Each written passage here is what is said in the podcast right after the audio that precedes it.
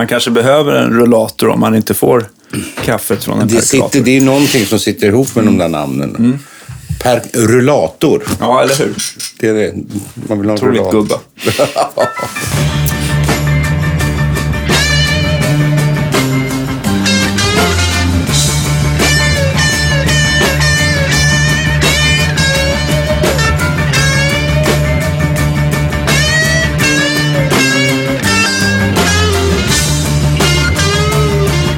Men vad trevligt att ha dig här. Eh, Välkommen till, eh, till Guitar Geeks podcast, mina damer och herrar. Idag har vi den legendariska basisten Ulrik Johansson med oss. Välkommen. Tack. Andreas är min eh, kumpan, eller ja, eh, den andra delen av podcasten. Han är i Polen och spelar. Jaha, då är han där med min kompis Lasse Jonsson då kanske? Ja, Jag det kanske han. Han sa att Kanske han, det är väl något ABBA. Ja, precis. Ja, han är ju med i ett av de här. Det är väl två, vad jag förstår, ganska seriösa ABBA eh, coverband eller som kör Det finns rätt all mycket sådana där va? Ja. The Original och eh, sådär. Och jag, vet- jag vet inte. Jag vet att det i alla fall var ett band från början och de delar på sig. Ehm, Mhm. eh, och det blev två band. Men jag tror att de, är, de är, verkar ju vara lika aktiva båda två. Ja, de verkar ju hålla på väldigt mycket. Ja. Jag tycker alltid någon håller på med någon ABBA. Det är alltid ABBA. Ja, och sen så är det, sen så, men jag tycker inte det verkar vara så himla mycket eh, gig i Sverige konstigt nog. Utan det är mycket Tyskland, de åker över till USA och det är, ja. Ja, mycket USA också. Ja. Just det. Ja, men det är ju, ja, tänk vilken... Det är ju fan mer sånt än en Beatles-tribute tror jag. Tror. Är det så? Ja, Nej, jag vet ja, inte. Men jag tror att, jag tror att ehm, alltså Beatles måste ju vara sjukt svårt. Dels att, man, att det blir så, att få de rösterna och det svänget och sånt Ja. där. Det är, nu säger jag inte att ABBA är, är lätt att spela och få det att låta rätt, men men eh, det är lite, jag tror att det är svårare att få en, en mindre sättning att låta mera korrekt än en, en större produktion. Precis, här kan de ju sulsta på liksom allt. Och, och det här kan de ju också ha lite originalmedlemmar. Så här Mike Watson och det är så här är med ibland som har spelat på några skivor. Det Ja, är ju just det. lite svårare med Beatles. Eller hur? Och jag vet väl ändå att uh, Schaffer har väl varit med eh, banden och uh, Ja, gästat lite grann. Sådär. Ja, det, det räcker med att man har spelat en triangel på någonting så är man ju liksom med. Och Ja. bara original. Ja, eller hur? är inte han som hå- håller på med kläder med också? Han som gjorde kläderna till eh, ABBA. Jag vet inte. Jag har inte sett den där produktionen. Inte jag heller, men jag har läst att jag typ så här, oj det är stort att han är med. Ja. Det är ju lite märkligt i min värld på något sätt. Man går på en arena och tittar och så kommer det någon, ja det kanske är så. ja. Men, det är, ja, men det är rätt stora produktioner. Det är inte... Ja, det är det. ja, absolut. Det är mycket. Alltså, jag vet att Andreas lägger upp lite foton så här. Ja, nu, här är dagens arbetsplats typ. Och sen så Ja, har bara någon ishall någonstans. Ja, Ja, ja det, det, ishall är ju en ishall liksom. ja. Det är ju Det stort. plats några stycken. Ja, ja, gud. Så det verkar väldigt stort och eh, efterfrågat i alla fall. Men framförallt så tycker jag att de pratar om England, Tyskland och USA framförallt. Det kanske är där de är som störst också. Eller Ja. var. Eller, Ja, men Ja. det... Men klart, det är ju... De är ju också rätt när vi är borta som vi är borta och spelar där flera Mm. veckor liksom. Och, Ja, men det blir väl kul. Verkligen. Det blir som ett coverband på något sätt. Ja, jag vet att Magnus Josefsson har varit med en hel del. Och sen Ja, så just det. Lasse Bjurhäll, men jag vet inte om han är med, ja, om det är samma band eller inte. Det har jag noll koll på. Jag har ingen, ingen riktig koll på det. Jag ska få, få höra Andreas nästa Hör gång. och Ja. skriv ner och dokumentera och lägg ut Ja. så alla vet exakt vad som Ja, försiggår precis. i den där världen. Så Staka inte- ut det här ordentligt. Ja, så att det inte blir någon så här hemlig klubb och så känner man sig utanför. Mm. Det... Men om vi återgår till, till dig som ändå är gäst, eh, Ja, precis. som inte har någonting med den där ABBA att göra. Nej. Eh, eh, vad har du varit, eh, för du har ju varit ganska aktiv nu under sommaren och eh, Mm. nu under hösten här. Vad är, det som är, vad är det som är på schemat just nu kan man säga? På schemat just nu så är det ju skifts på börsen. Ja, Och eh, vi har väl, har väl spelat inne på tredje veckan där. fortfarande samma fantastiska sång. Samma fantastiska sång, absolut. Och det är ju liksom när man drar igång Oga Chagga där och Ja. då är det ju liksom han som sjunger. Ja. Och det var lite så här oväntat. Det har ju varit typ liksom samma band länge och så där. Så även om man känner alla och jag liksom jobbade med Björn på ett annat sätt för länge sedan. Så var det ju så här otroligt ärofyllt. Jag var ja. så här paff. Och det blir alltid lite spänt då också klart. Man ska gå sådär. Man vill ju göra bra ifrån sig. Liksom. Just det. Hålla på. Ja, men det är fantastiskt roligt. Så det övergick ifrån, så var det Uggla i somras då, hela, som skulle ha gjorts för två år sedan.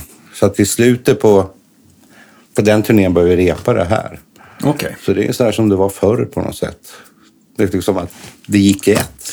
Vem är det som spelar gitarr med, med Skifs nu? Det är Magne Bengtsson. Okej. Mm. Och med Uggla? Då var det Michel, Ja, just det. Mm. eh, Flying Wee. Ja, just det. Ja, jag gillar han. han. Han gillar att smycka ut sina gitarrer kan man väl säga. Han gillar att smycka ut. Men en grym gitarrist Ja, faktiskt. jättebra. Ja, Bra, fantastiskt. ung, pondus. Och, Ung och, och, och pigg. ung, pigg och orädd. Han är jätteorädd. Ja. Så man får skrämma honom lite. Ja. Så att Men det gillar väl Uggla? Att ha någon som rör Ja, sig ja, lite. det var ju perfekt. Ja. Det är super, jättebra. Ja. Bra energi och liksom ger, eh, ja, ger det där till låtarna lite, lite mer så här hårdrock. För det var ganska Just det. rockigt. Det var mycket, mycket gitarrbaserat. Igen, det var ju tanken också för sommar. Okej. Mm. Sådär, så det vart det ju. Men är det inte så att, att, att Uggla ändå är en rockare, eh, alltså i grunden? Alltså om man tänker, jag har för mig att han är ett ganska stort fan av Black Sabbath, stämmer inte det? Ja, visst, det är Ramones. Han är så här punkare och rockare. Han gillar ju det där när det... Mm. Så det är inte alls att de tänker de där 90-talsskivorna liksom, Nej. med Bling Bling som gjorde alla. Nej, jag upplever nog också att den är väldigt rockig. Det var liksom mycket gitarr. Ja. Ta hellre bort en keyboard, lägg in liksom... Mer gitarrer. Gitarr. Ja, mer gitarrer. Han verkar ju ändå väldigt vettig tycker jag. Ja, jag tycker, jag förstår det. Och bas är bara ett onödigt. Det ska ju vara där och mullra bak. Ja, med gitarrerna. Ja, just det, just det. Nej, men det, är ju, det, var ju, det var ju superkul. Man kan ju liksom våga också under... Alltså vi drämde ju på, han pratade kanske i 25 sekunder på en timme och en kvart. Sen bara satte vi ihop låtar efter låtar. Jaha, det var liksom klapp, klapp. Ja, Det var pang, pang bara Ja. så. Mm. Så det var ju otroligt häftigt. Mm. Och då, var det, och då får man ju ibland liksom, men då skiter vi keyboard på den här låten. Bara att man får någon sorts dynamik i det liksom. Och, så keyboardet fick spela ko- koskälla liksom istället. Okej. Så att man får förändra ljudbilden lite grann under den där Mm. tiden. Som gjorde. Hur länge har du varit med Uggla? Alltså jag kom ju med, var ju också så där oväntat på något sätt, eh, till den här eh, Göta Lejon började på den här showen, eh, nu, nu mår jag illa, nu, Kung är bara må illa. Det var också en sån här hitshow. Och det är ju, nu får man ju räkna bort två år, fyra år sedan vi gjorde den showen. Heter det show? man? Ja, det gör Ja, ja. Eh, Det låter rimligt. det låter rimligt. Så där, eh, då kom jag med. Sen har jag hoppat in en gång för länge sedan i någon grej han gjorde. Lite så här snabbt. Sen, ja men så att då, då, vi gjorde ju 200 gig med den där showen. Vi var ju här och Jäklar. lite rond och tillbaka. Ja, det var ju jätte...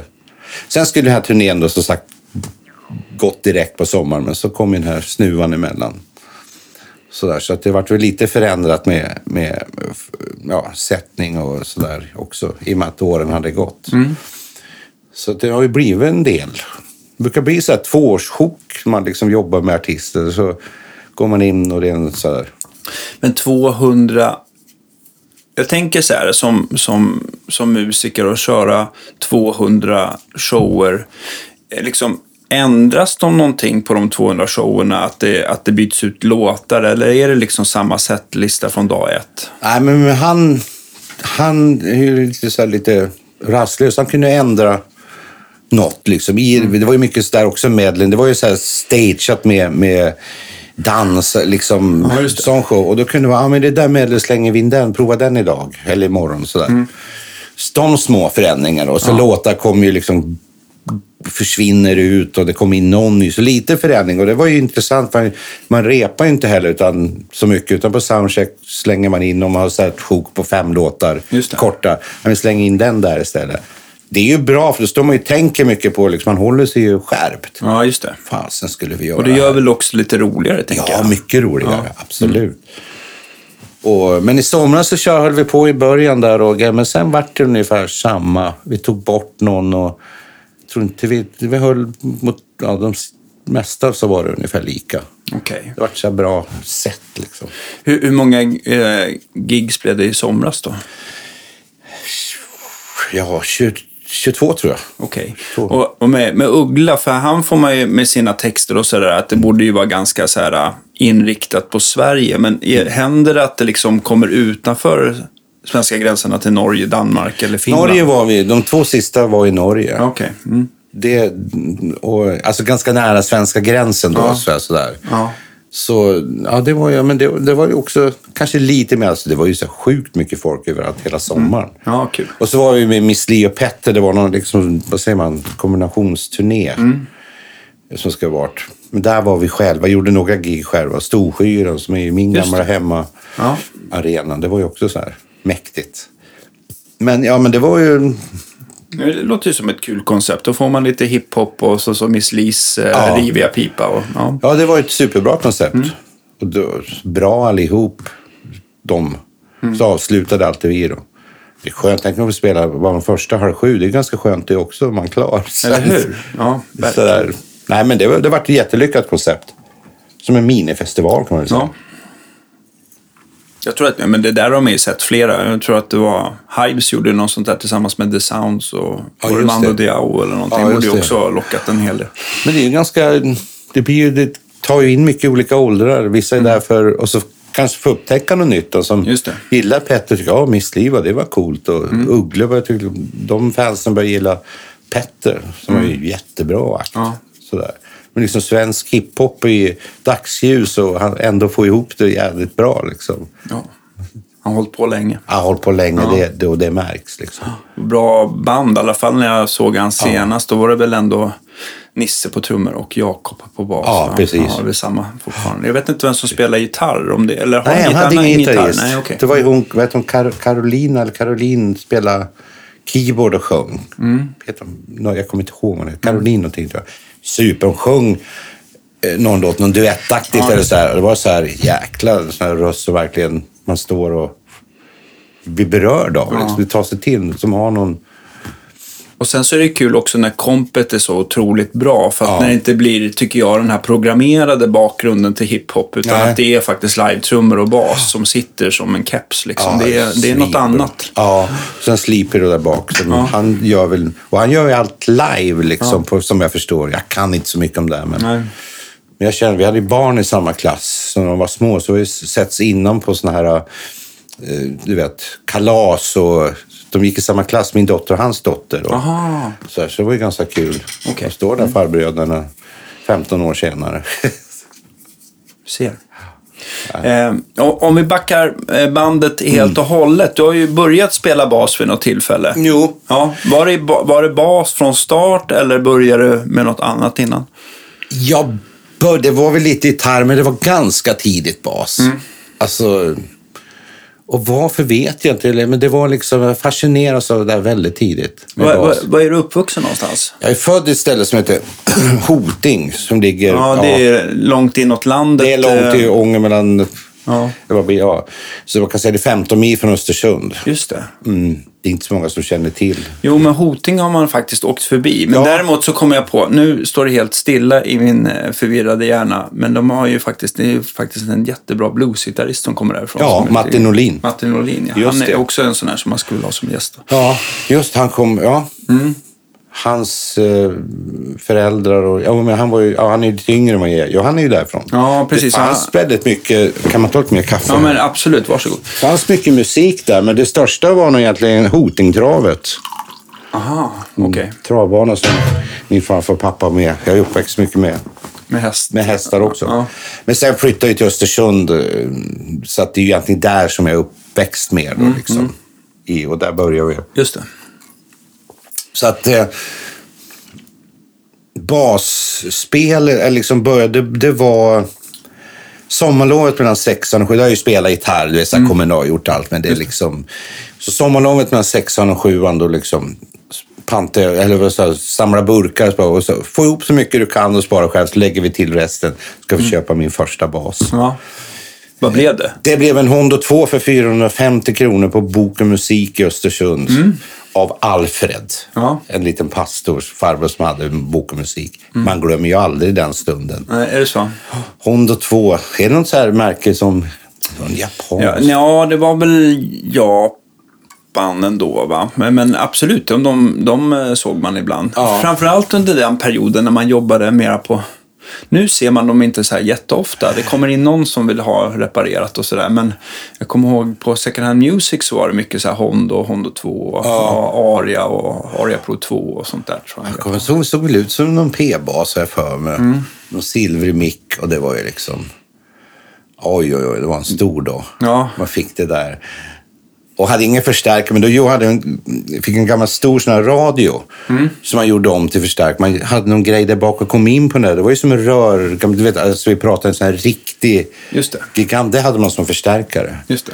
Ganska direkt. Vi var några killar som växte upp i där eh, villaområdet Odensala utanför Östersund som liksom bildade bandet innan vi hade grejer och innan vi kunde spela.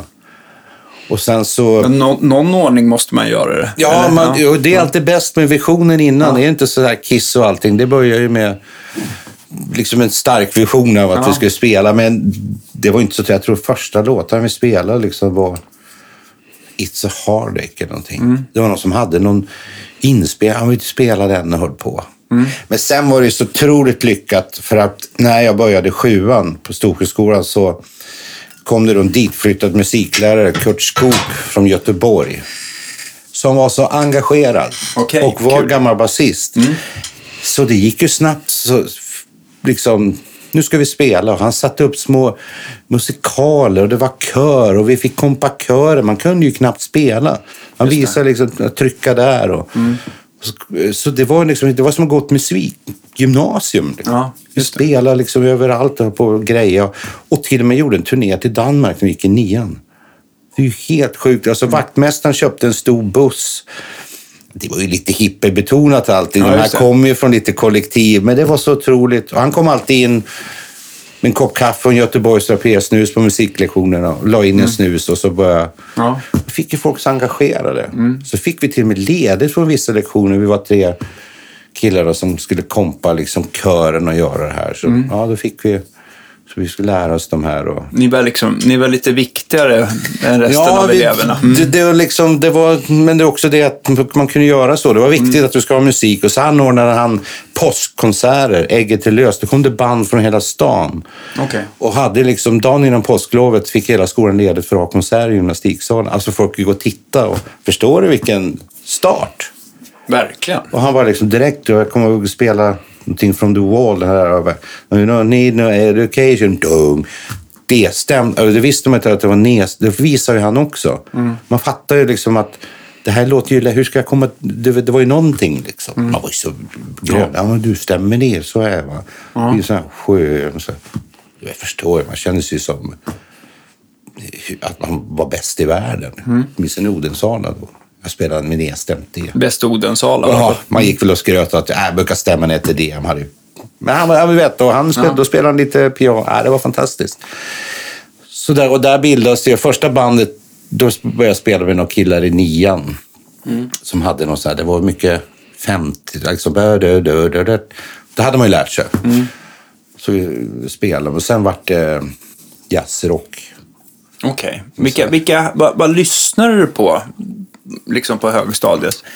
Ja, det var ju mycket Kiss och Sweet och så här. Men sen då vart det så här mycket... Det här jazzrock, Kebnekaise, Sammanmans Manna och såna där. På Mm.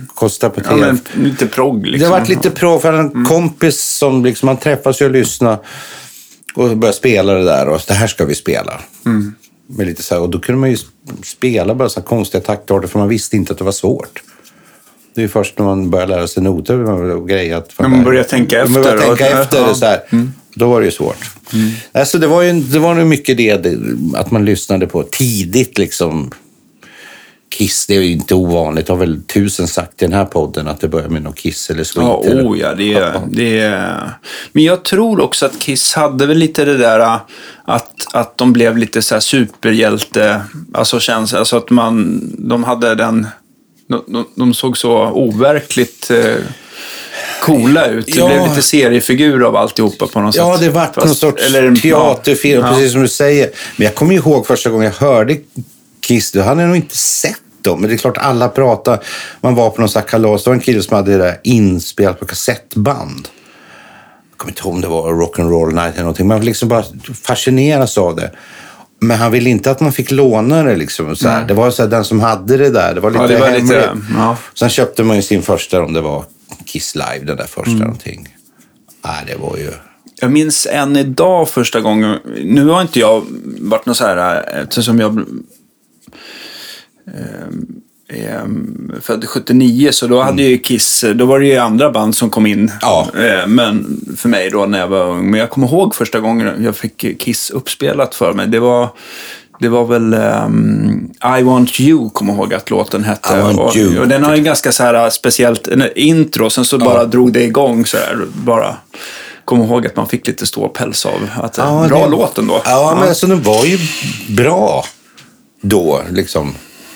Och så kommer jag ihåg den här, vad hette den där med Detroit Rock City och det där. När de liksom började med att det var något så inspelat snack och sen, Mm. den var ju också lite så här, du vet, jag spelade de där skivorna på morgonen innan jag gick till, till skolan. Ja, det var lite kaffe. En Det, ja, det var inte så mycket kaffe, det var väl O'boy då eller något sådär. Men sen är det liksom första fascinerande var ju där i Hoting fanns det ett dansband som hette Zero Z.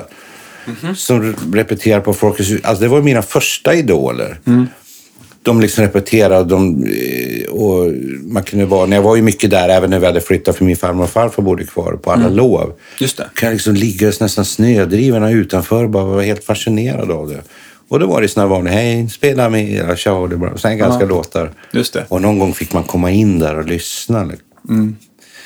Så det var ju, man sög ju åt sig så otroligt mycket allt. Men det Men visst är det så, alltså just också kanske mest i den åldern, men just att man av att titta på livemusik när man Mm. ser vad de gör och, och lite grann, man, man suger åt sig på ett helt annat sätt än att lyssna på en skiva tycker jag någonstans. När man får, ja visst. Och man sen, får se det live. man får se gitarren, förstärkaren och sladd. Man var ju fascinerad av allt. Liksom. Ja. Försökte lära sig, vad, vad är det där liksom? Just det. Och det kommer ihåg den eh, som spelade bas i det bandet, dansbandet, han hade en Rickenbacker. Kommer Mm. fram till. Det var ju så här, oj, oj, oj. En svart 4001 typ. Ja, säkert. Men det har liksom aldrig passat mig att spela Rickenbacker Nej. på något sätt. Tyvärr. Det är ju... Man måste, ja, en del får de där låta väldigt bra.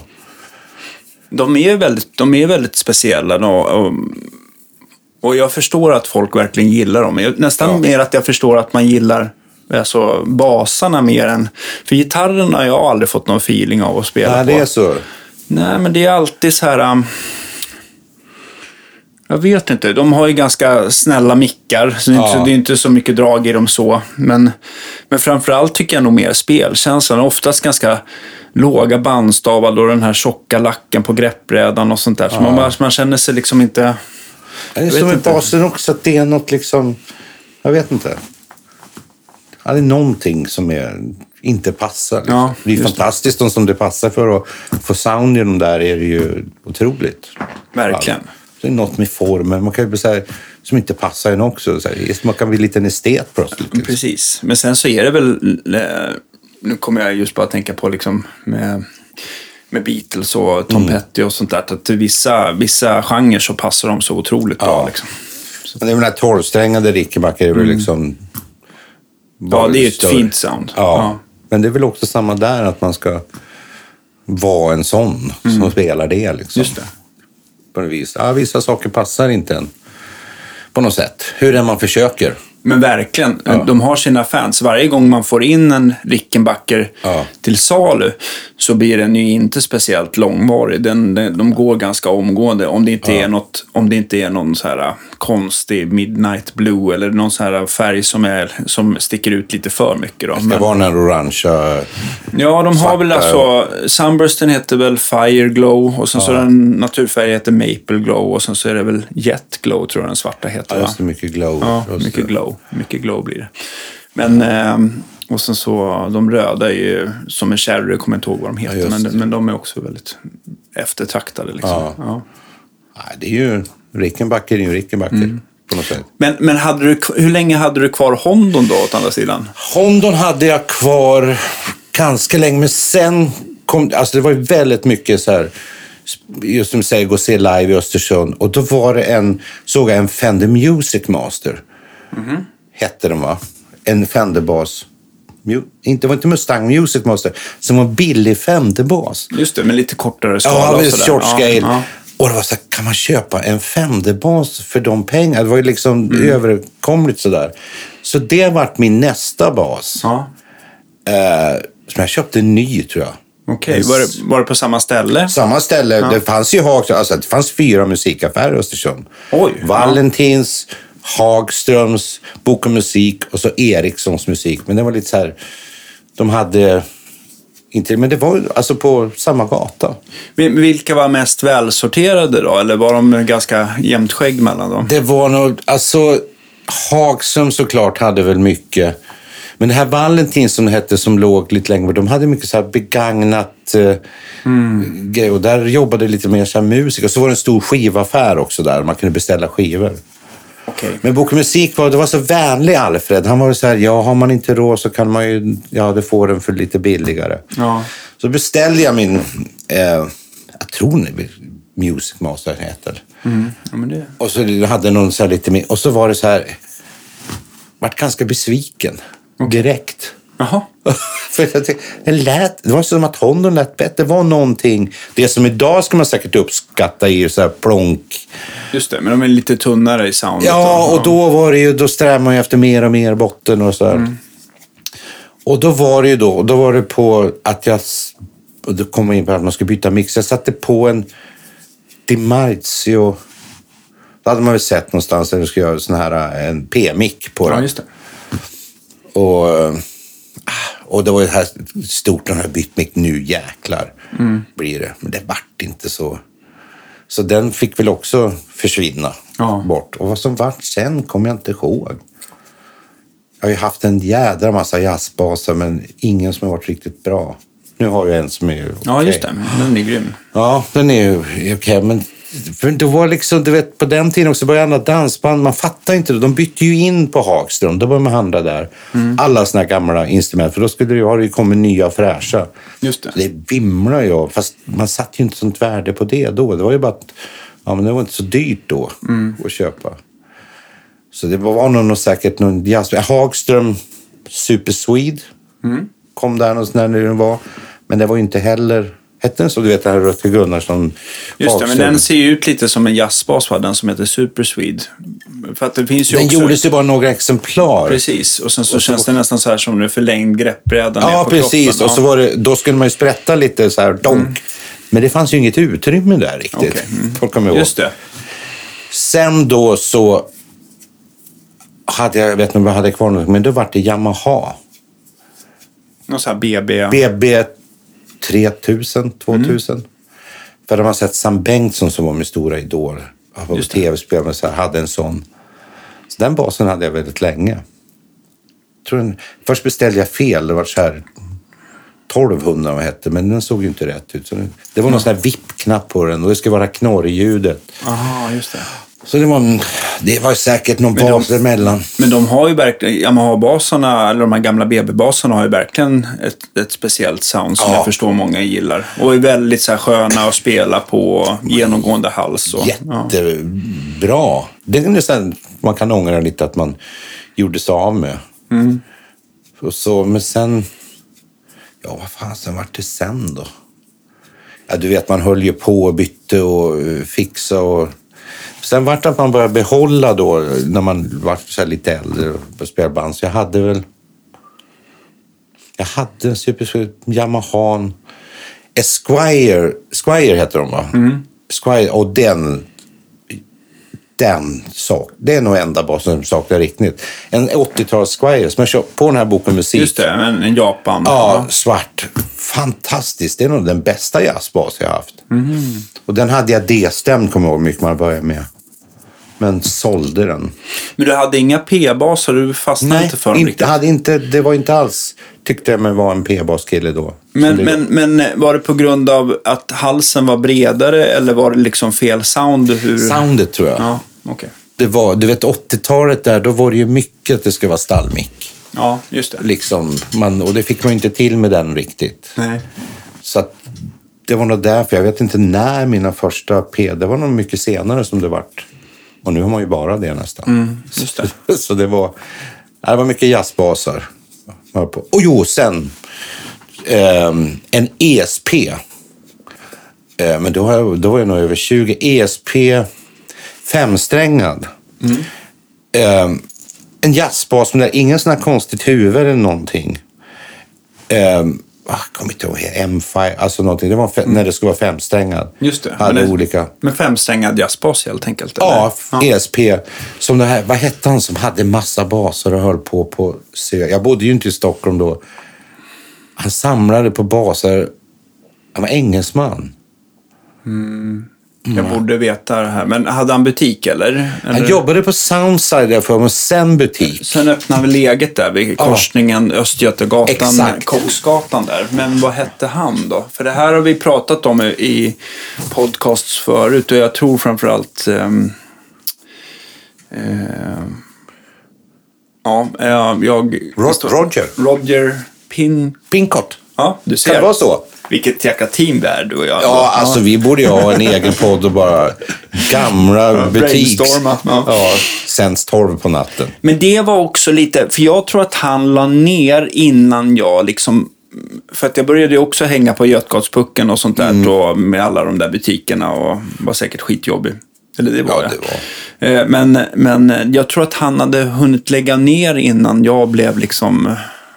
Jag hamnade liksom aldrig i den butiken riktigt. Det måste ju Nej. varit någonstans att han, att han avvecklade i mitten på 90-talet. eller något sånt där. Ja, för jag som sagt, det var genom den gamla Raymond Montana-basisten Nora Johansson. Okej. Han hade en sån. Okej. Och jag kände ju han då lite, han- han var ju från Östersund också. Det är ju väldigt många som kommer från Östersund just. Ja, jo verkligen. på något sätt. Och så såg jag, han åkte man ju upp till Åre, han spelade där och man kollade och det var så fascinerande. Jag hade aldrig hört en bas låta så bra. Mm. Men jag kan fixa en sån här åt dig. Så var jag liksom nere och hälsade på i något ärende och så, så kunde jag beställa. Och den har jag kvar. Asså, ja. Och, men problemet är, den är flip-flop red. Heter den. Och, Flip-flop red. ja, jag tror det kallas så. Men alltså den är ju rosa. Ja, okej. Det var så att det var någon metallic i botten så att den liksom skulle så här... Den, är, den låter fantastiskt. Och den är, det är ganska smalt mellan... Mellan strängarna. Ja, Mm, och låter så jättebra. Men den ser ju för jävlig ut. Alltså. Den, du har funderat på att lacka om den någon gång? Att jag har funderat på att göra det. Men min fru säger bara liksom, vad feg du är. Och bara så här, men det är ju ingen så jättevärdefull bas. Ibland har jag tänkt att man ska ha en femstängad. Jag har ju den där. Om jag har suttit i orkesterdiket långt ner där ingen ser, då har jag använt den. Ja, just det. Och så jag använt den någon gång. Och jag är inte fåfängt så, men det är bara någonting. Men, har, men är det att du känner så själv eller har du fått gliringar för den färgen? Jag vet ju att jag kommer att få gliringar, men det kan jag väl ta. Liksom. Men jag känner lite så här... Det känns lite som att... eh, Har han tänkt till nu? Ska han vara liksom, oj då. Men hur kontrar man då? då? Tänker man så här, ja, men den här, jag tänkte på den här färgen, att den passar ju dig som frontare. Jag vet inte, man får ju lägga upp någon sorts skiss innan om man kommer med den där. Liksom, och att så här, du, jag har... Men jag har använt den på turné Ja. ehm, då innan, liksom, absolut. Men jag tänk, tänk om den här vore vit. Just det. Då ska jag göra så här. Men så börjar vi, att någonting gör att jag inte gör det ändå. Men är det inte lite grann så här att man måste bli, alltså i det här sitt favoritinstrument, att man måste bli lite kär i dem. Och då menar jag inte bara att spela på dem, utan Nej. man måste liksom, man, man gillar dem även utseendemässigt på något sätt. Så här, Ja. det är så jäkla, Man är lite, det man, gillar att är ju... titta, man gillar att titta på den. Ja, men det är ju så. Ögat är ju, någon säger så här, ögat är ju ett starkare sinne än, än örat. Att du vet, det är ju som med pluggar om du tänker så här. En snygg plugg tror man ju låter bättre än en enkel Logic-plugg. Verkligen. Jag Därför tycker Logic-pluggarna kan vara helt grymma. De är helt fantastiska, men framförallt nu ser väl de också lite mer designade de ut. Men, men, men att man liksom, oj. Så, alltså jag tror att det är ögon. Och i det här fallet då så, ja, blir det inte riktigt någon Nej, ögonkärlek. jag fattar. Nej, men jag, jag, jag tror att många känner igen sig i ditt resonemang. Det, Ja. Du är inte ensam om det. Nej, jag skulle tro det. Men sen också, alltså det är bra, det är ibland man ska ner till D och då kan man, jag tycker nedanför D så, eh, sista ser H, det, nej. Det tycker inte jag funkar liksom musikaliskt på något sätt, att gå för lågt. Är det just att stärkarna inte riktigt kan återge de tonerna på ett snyggt sätt? Eller är det... Jag kan tycka rent så här... Det beror såklart på om jag gör rent liksom, man säga, musikaliskt. Allting. Om man går ner, det blir sånt jäkla glapp kan jag tycka ibland mellan liksom i, i, Alltså jag har mer i själva... i, i ljudbilden. Ja, liksom. Så här, om det har något, det ligger någon, då börjar man krocka med kanske om någon lägger en oktav i något. Alltså det är ju inte jätteklart att det är mäktigt och alltid vara på något sätt. Men det är någonting som jag får lite ofeeling på där nere. Mm, just det. Se kanske, men... Men, men nej. Men jag vet vi någon gång vi spelade här på Stadsteatern som var fantastiskt roligt. Jättemånga, alltså, sådär. Och då kom vi på att på avslutningsfesten skulle vi spela Toto-låtar. Hela bandet. Skulle bara spela Toto just på avslutningsfesten. Ja. Då kom den där basen fram. Då, och det här är kanske tio Då år sedan. passar det perfekt med Passar flip, perfekt. flip och då flop jag, red. ja, då kan jag inte gå och köpa någon ny, för då är det, där är det ju mycket att Mm. kliva ner liksom, och, och sådär. Och jag får alltid sånt beröm för soundet i den där basen. Ja, du ser. Fasen vad det här låter bra. Det är liksom alltid varit. Mm. Ändå liksom. Så, Men det är alltså även... Nu är det inte så ofta man känner på basar med just den här gamla ESP-gitarrer. De är svinbra alltså. ja, det är, det är något. Jag vet att man bytte mickar direkt. En del satte på Bartolini, en del EMG. Så jag tror det sitter EMG på den där. För dig som har... Har du mixat med båda de typerna av aktiva mickar? Eller har du bara Nej, kört det, är de EMG? där. Jag har någon, det är bara där jag har kört aktiva mickar. Okej, okej. För annars har väl Bartolini och EMG, de är ju aktiva båda två. Ja. Men går det att säga någon så här äh, skillnad mellan dem så här kortfattat tycker du? Att det kanske är lite middigare Bartolini som jag upplevde. Det är ju så länge sedan. Just det, Liksom. mm. det är väl det. Och varför jag satte på det där, det vet jag inte Nej. på något sätt. Var liksom passiv basist med aktiva mickar på något sätt. Mm. Det, var- det, var så, det var väl någon som hade det. Fick väl något råd. Just det. Men, men de låter ju väldigt, väldigt bra Ja. fortfarande. Liksom. Inte så high end, vad säger man, så här, men- super, det finns något. Det här, de är ju sedan slutet på 80-talet. Då. Just det.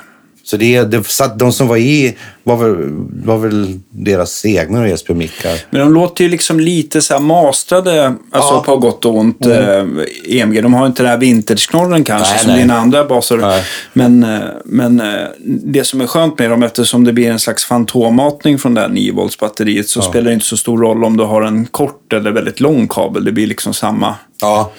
Däremot om du kör en väldigt lång kabel så försvinner det ju mer och mer diskant ju längre den blir i princip Ja. på en passiv bas. Då. Men ja, det beror på vad man är ute efter. Det såklart. är ju den enda jag haft som har batteribas, eller har. Liksom. Mm. Sen har jag aldrig haft, jag har aldrig haft någon så här, ja, vad som kom då.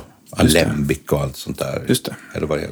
Som är liksom säkert bra. Ja, det är också återigen så här, det känns, känns fel på något sätt. Men sen är det ju också så här många baser som till, jag tänker på Music Man eller, Mm. eller eh, Sandberg när det är passiva mickar fast Mm. det är aktiva, det är en aktiv preamp, alltså med EQ och allt det där. Ja, det är ju också så. ett lite annat, när det, de, det blir lite mittemellan EMG och en, och en vintage. Alltså Music liksom. Man var jag sugen på, på länge, just om jag skulle haft en femsträngad. Just det. För de tycker jag tränger igenom. Liksom, En, en vanlig Stingray Ja, eller som, Sterling. eller typ. vanlig så här, men det har, det har inte blivit. Mm. Det, det, det är den här. Jag har varit med i det femsträngad. Ska jag någon gång måste ha det. Mm. Jag har ju använt den i, i som sagt, när man har suttit under en scen. Mm. Då har jag haft den. Det är här, när det är sån här musikal. Om det är En något under scenbas. En Ja. under scenbas, icke... Ja, det är liksom... Men det, det, det, man, man säger, det, det blir upp, inte uppståndelse, men det blir ju reaktion när man tar fram den där. Ja, men det är härligt. Det är På det man vill va? Ja, det är ett sätt att få uppmärksamhet i alla fall. Ja, tusan. Alltid rättare än någon. Nej. Ja, ja. Men, men jag tänkte också för, om, eh, rent eh, efter högstadiet där, när du gled in i gymnasiet, var det fortfarande liksom lika mycket spela och, eh, och Ja. band och... Det vart ju mer och mer, för sen då, Ja, man, det blir, men det blir ju så. Det blir hattigt fram och tillbaka. Med olika. Ja, ja, men det, det är... Jo, för vi, sen då- vi, vi brukar spåra i och ur i den här Ja, podden. det är väl så. Det, är går så. väl att flytta i Logic. Det gör vi inte. Det gör vi aldrig. Nej, men sen då, när jag slutade nian så började inte jag gymnasiet. Jag spelade ju väldigt liksom, mycket i olika band. Så Jag började som springpojke på en, eh, det hette så faktiskt, Ja. på en klädaffär. Västfalls herrekipering i Östersund.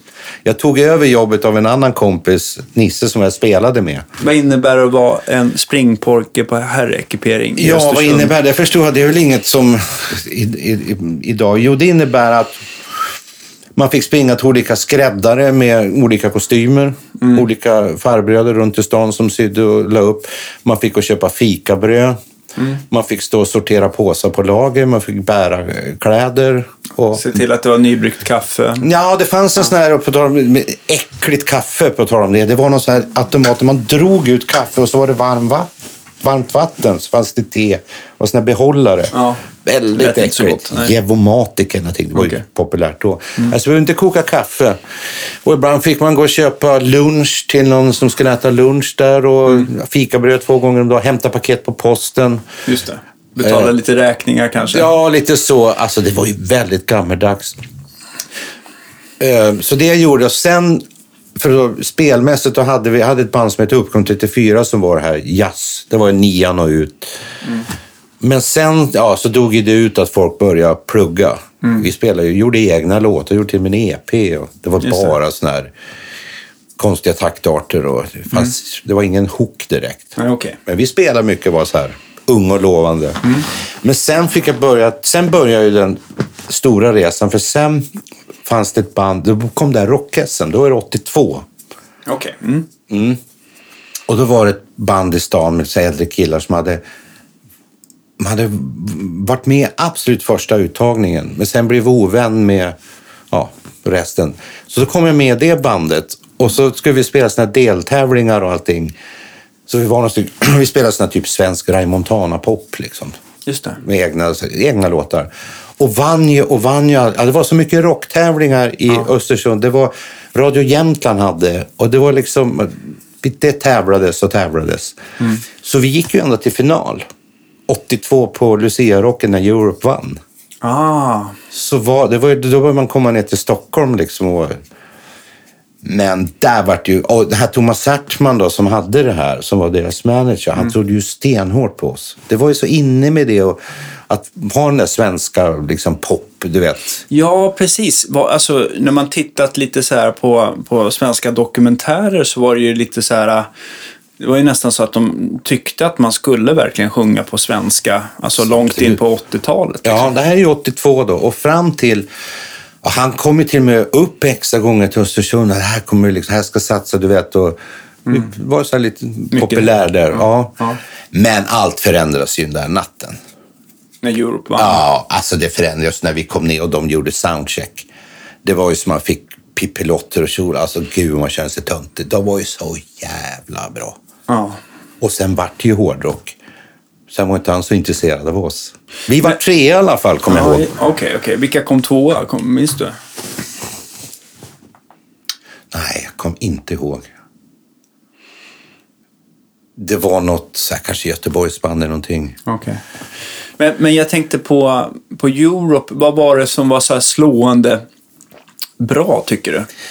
Alltså det här var ju då på Tyrol. Vi Ja. kommer kommer in där kvällen innan. Jag minns, Man hade ju åkt bil ner. Det var en envetsresa. Vi hade ju så här Hammondorgel, Leslie, du vet. Ja. Allt. Och, och åkte ner, kom in och skulle göra sound. Ja, det var...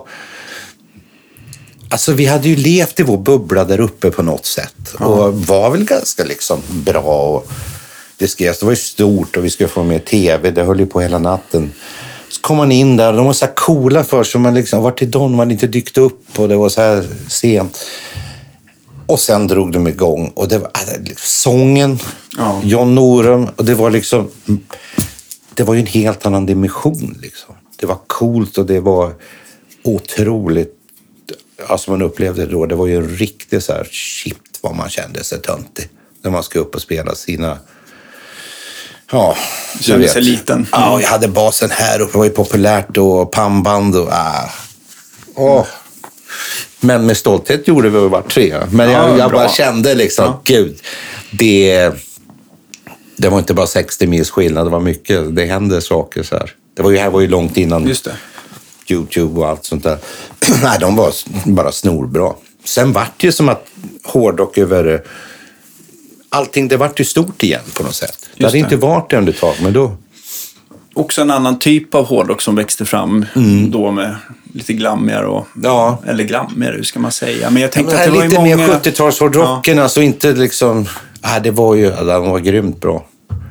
Så sen kan man ju säga att det där bandet som hade dog ju ut lite grann. Mm. På, ja, vi gjorde ju en singel. Eh, det, det var ju ett priset. Ja, just det. Vi göra, men det fanns ju planer innan. Det, skulle bli, det dog ju Okej. ganska snabbt kan man säga. Det Men då fick man känna på lite hur den här branschen funkar ibland. Så. Ja, det var ju ganska tydligt och på något sätt, ja, det som gäller, gäller. Det var ju på ett sätt kan man ju säga. Men vi var inte besvikna heller på något sätt heller. Men tog din, eh, alltså vad du ville spela efter den eh, kvällen, tog det liksom en annan riktning eller fort, fortsatte du liksom i samma fotspår så att säga? Det tog ju en riktning. Jag jobbade ju på den där aff- affären fram till Lump. Det tog en annan ganska viktig riktning på ett sätt. För det fanns en, en tjej i, som bodde i Åre, Järpen, som också var med i de här tävlingarna, som heter Tina Moe. Okej. Mm. Ingen kan älska som vi. Alltså, och hon hade fått skivkontrakt på CBS, som det hette då. Och gjort en skiva. Och började få liksom sådär. Men så behövde hon ett kompband. Som var, hon hade mm, så här, och då vart jag tillfrågad att göra och få vara med. Ringde på den här vanliga telefonen på herrekiperingen där jag satt. Och då var det hon. Och Då hade hon gjort en skiva och ett tv-program. Och då hade hon gjort en skiva med Strix Q, sin andra skiva. Alltså, första var väl med sitt eget band. Just det. Och hade liksom spelningar på, liksom, på riktigt med, med crew.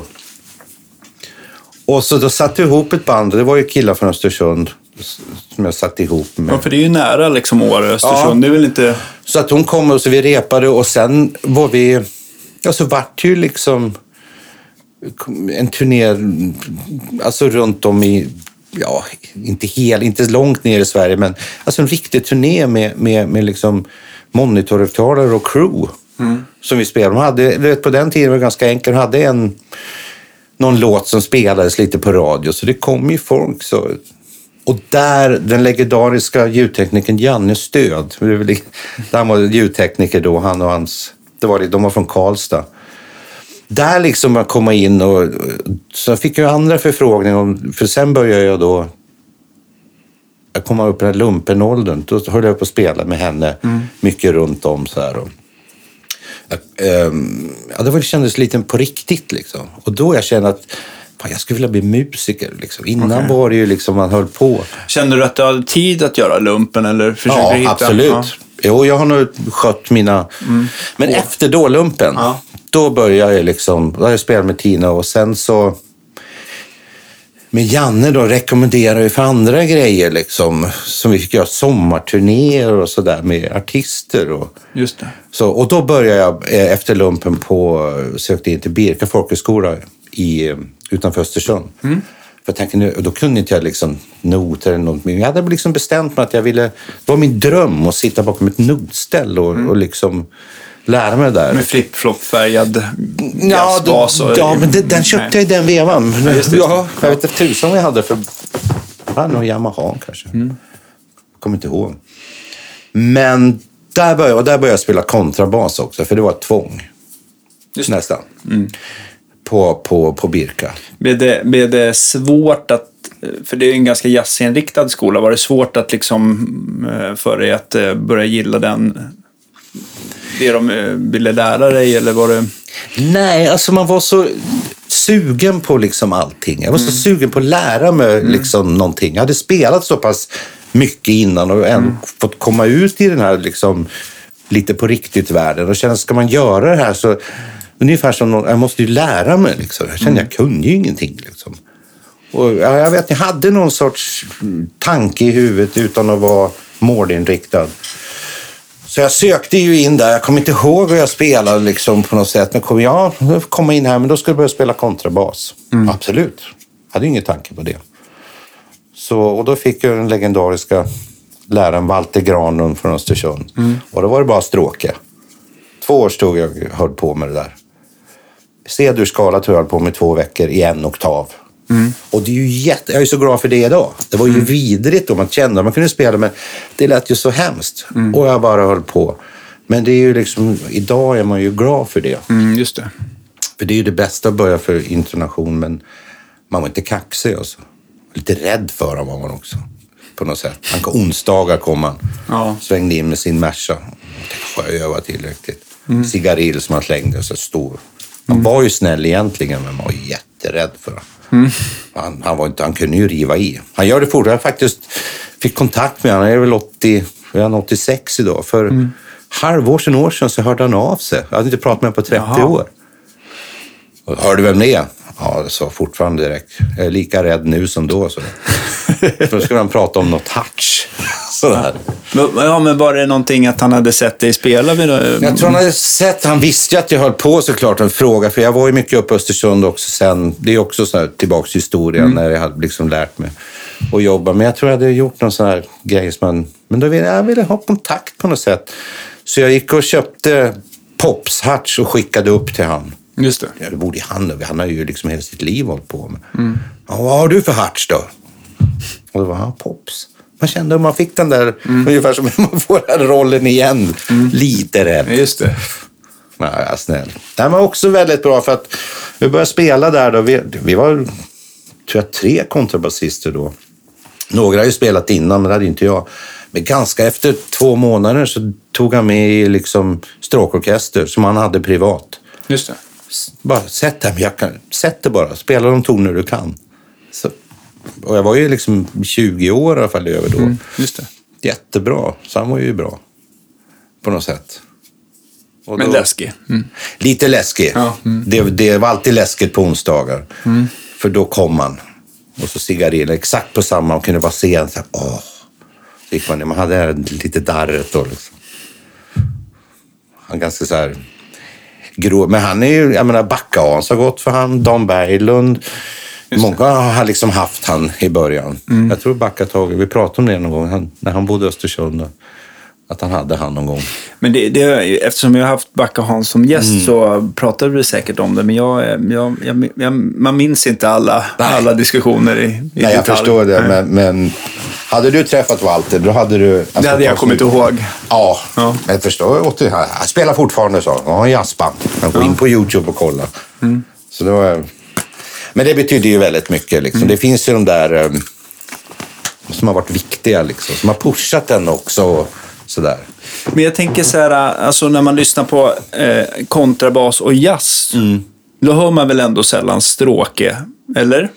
Nej, inte så Slam Stewart som just Ja, stråk. jo, ja, men det älskar man. Bam Brown och Ja, Slam Stewart så ja. de som är duktiga på Nej, men alltså, grejen- att sjunga uniskt med det man spelar. man fattar ingenting för att det är så Ja, bra. Då måste man börja med Ja. tidig ålder. Nu kan man ju inte köra och spela bas samtidigt utan att snubbla. Liksom. Mm. Nej, men alltså jag var nog inne på ganska så här mer klassiskt. Jag har liksom inte varit helt, men vi hade ju jazzensemble också.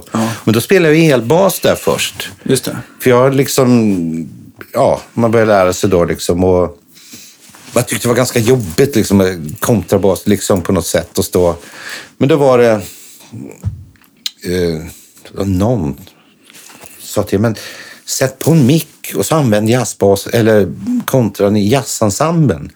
Då kan det bli roligt. Så då började det. Just det. Och man hade sån här, hade, mm, vad hette han, Inge Boberg hette han, som var lärare i jazzensemble. Eh, och då började jag liksom spela lite mer jazz på den. Liksom. Började förstå det här med walking och harmisar. Och... Nej, jag var väldigt bra elev de där två åren. Jäklar, jag var aldrig så motiverad under hela grundskolan. Alltså. Just Vet, liksom, läste jag in gymnasiekompetensen på morgonen. Hade man, vi började de andra lektionerna vid tio. Och man stod och övade, man höll på man lärde sig noter, harmoni. Alltså jäklar. Så otroligt bra skola det var för det. Så det var det. Men då, av det, när du liksom spelar på, alltså utöver skolan, vad blev det för genrer? Ja, Vi hade ju, det började väl bli det här med lite coverband. Men jag försöker, alltså jag, på varje helg så spelar jag med dragspelaren Ingvar Ros. Som var ett gammalt sån dansorkester som hade återuppstått igen. Som jag fick liksom, genom travet och pappa så var det en trummis där som hade travhäst. Ja, ja, som, okej. som vi satt, jag körde ju mycket häst och hjälpte pappa. Men ska inte du börja spela med oss på helgerna? För Ingvar Ros ska börja spela igen, han är nykter nu. Han var konsumföreståndare nu för tiden. Och så, absolut. Så att, eh, då började jag spela med dem nästan varje helg. Så jag hade inget studielån alltså på då, utan jag spelade. De var som ett, som spelade på 50-årskalas, bröllop och skilsmässor och däckbyten. Allt, allt liksom. Han var ju sån här gammal... Däckbytesgiggen är Ja, det är klassiska Ja. gig. Det, det är alltid bort. Så, och han spelade orgel då, dragspel, så han hade en sån här orgel med knappar på. Okej. Mm. För att de kunde inte spela på tangenter. Då byggde de om orglar så att det var som ett knappdragsspel på orglarna. Ja, just det. Ja. Det har man sett. Och jag spelade bas genom hans Leslie, kommer jag ihåg. Jag hade ingen basförstärkare. Ja, det, när han drog igång Leslie så var det oj. Så vi spelade ju jättemycket, alltså nästan varje fredag och lördag, alltså runt om Östersund och sådär. Problemet var ju att han börjar ju tuta igen. Jag kan, ju- alltså, Han är ju borta nu, de är väl allihop de där. Men det var otroligt lärorikt. Mycket Ja. gammaldans och det har ju växt upp mycket såna gammelkjollåtar. Och, Men då var det ju elbas. Så varje lördag fick jag ju köra hans flotta fina Merca hem. Lämna av han, köra bilen hem till mig. I Odensalen. Han var- han var inte riktigt kör- Han var inte körbar. Han hade klassiska, en kvarting i en strumpa. Liksom, som de hade då så det inte skulle synas. Och det vart ju liksom rackligare och rackligare när jag spelade. Jag kommer ihåg vi skulle spela så här, lite Elvis-låtar. Då fick jag lyfta hans hand Ja. när det var break. Så här, one, two, three, sådär. För det var man spelade el och sånt där. Ja, ja, okej. Tror. Det var otroligt roligt. Så kom jag så varje söndag morgon stod det ju liksom en flott Mercedes utanför våra villa. just det. tänka vad grannarna skulle tro. Att, tror morsan hade någon som kom där och pappa var borta. Ja, just det. Och så fick jag åka tillbaks med dem då till hamn på lördag. Mm. På, på, på, på söndag och lämna den, för vi bodde ganska nära. Ja, det var en rolig tid. Men sen var det den stora satsningen. För han var nog en sån här, på 70-talet, en ganska så känd kapellmästare, liksom dans. Ja. Men åren hade ju gått. Men sen var det så skulle vi åka till Norge två dagar och, för, och spela. Och förstår Mm. du, innan de de byggt upp den här, vad som kommer hända då. Du vet, där. Och damen är som tokig när man kommer dit. Och han Mm. hade, du vet, det var så uppkåsat. Det vart ju inte riktigt så. Nej. Åren hade ju gått. Mm. Så det var, ja, då kan man också se uppgång och fall. Då åkte man med den där Mercan och någon släpvagn. Ja. Leslie och jag kommer inte ihåg några trummor. Och det var ganska enkelt. Perfekt. Men det håller jag på mycket. Och sen hade vi då det här um, coverband, det som är smalare än Tord idag. Just det. Började vi då, för vi hade ju lite olika band jag kommer på. Alltså, det bandet, var, fanns det när du hoppade igång eller var du med och Jag startade? var med och startade. Och, och jag tänkte Tord där som är, en- är Mm. Ja, det är en gammal ungdomskamrat till mig. alltså, ett energiknippe av rang och så frukta. Han, med tanke på att man blir rädd Ja, för någon, så kan man ju känna lite så när man står som publik och ser han. han. Alltså att just att man liksom, för han är ju väldigt så här att han skämtar väldigt mycket och, och nästan attackerar folk i publiken Ja. med, jag kommer inte ihåg vad han sa direkt, men det var ju liksom så här så att folk rånade lite grann. Och, Jag brukar säga som jag sa då, jag har sagt Hans Ungestad, när han får det här vet i pannan. Det är Ja. som några ådor som blir som ett V. Ja. Då ska man backa. Okej. kan bli. Ja, men det var så, vi hade ju olika band. Det här är ju under den tiden, jag vet inte vad gjorde, de, de hade ett band och ja, vi gjorde så egna låtar, vet, som man höll på. Ja, just det. Så bestämde vi, liksom, vi umgicks ju, gick Mm. ut och drack öl och höll på sådär. Det var ju mycket musik och alla de där som var i det bandet. Mm. Ja, men ska vi inte göra liksom ett eget band? Det var det här Varmare än kurv då, som var med Totta och Ja. och ska inte vi ha ett sånt band och spela liksom coverlåtar? För det var innan covertiden riktigt. Ska ha något sånt här eh, namn som dem. Varmare än kurv. Och det var en keyboardist som var med som kallades för Tuvan. För han hade här hår som såg ut som en tuva. Så då kom vi på att det ska heta Fetare än Tuvan. Och då spelade vi på ja, så här, pausen på något disco i Östersund och Ja. spelade väl allt. Det var till och med några Toto-låtar och det var... Ja. Och det vart ju jättesuckigt såklart. Det var ju låtar som folk ville höra. Inte att man stod där med sina egna ballad och bröt ihop och trodde att sådär. Så då började vi hålla på med det och spela lite. Just det. Och så sen så var det något gig vi gjorde då. Det var alldeles så att, att jag var med när det började, för då hade, jag gick ju då Birka, att när den, eh, det var sån här Sälen och Åre. Ja. Där vi höll på med Östersund. Det var också så här. Och då var det ett gig när, eh, när inte den här tuvan kunde vara med. Så då kan vi inte heta det. Ja, då var det ju smalare än tål, för den är ganska smal. Liksom. Så på, men sen fortsatte de. Liksom. Sen flyttade jag till Stockholm då och började beka. Liksom, ja, det togs olika det. vägar sådär. Så, och de har ju hållit på till... Ja, de håller ju på fortfarande. Ja, de håller på fortfarande. Jag fattar inte. Men nu är det väl inte så många kvar av gamla. Nej, det är nog väl bara Det är väl typ bara. Tord kvar, va? Ja, men, Seke är eh, kvar. Seke kvar. Mm. Han, det var ju en gammal... Vi har haft mycket roligt Mm. i Östersund. Fantastiskt med. Bra basist också. Mm. Omedveten. Och, alltså, och sen har ju de hållit på, måste ju hållit på i fan i 30 år. Alltså. Mm. Men där skildes liksom våra vägar Just det. på något sätt.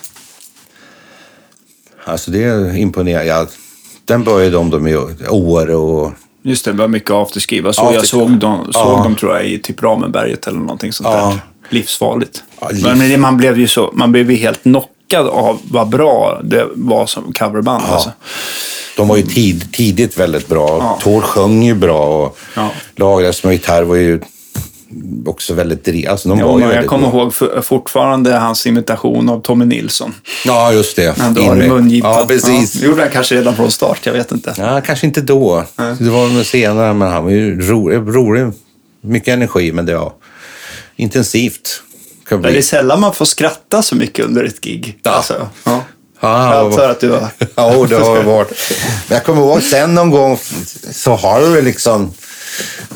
Ja, när de har spelat så har jag hoppat upp och spelat. Alltså för länge, länge sen. För att det var, jag var i... Eh, vad hette det då? Där uppe i Hamra.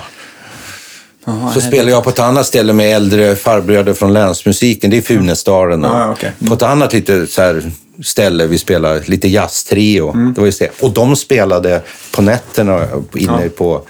Då var man ju in dit på kvällen och Mm. uppe och spelade Cadillac Ranch och de här låtarna. Man tappar ju sen hela den där eh, cover-repertoaren. Liksom. Just det, just det. Så att vi har ju varit polare nu är det länge sedan man träffade dem.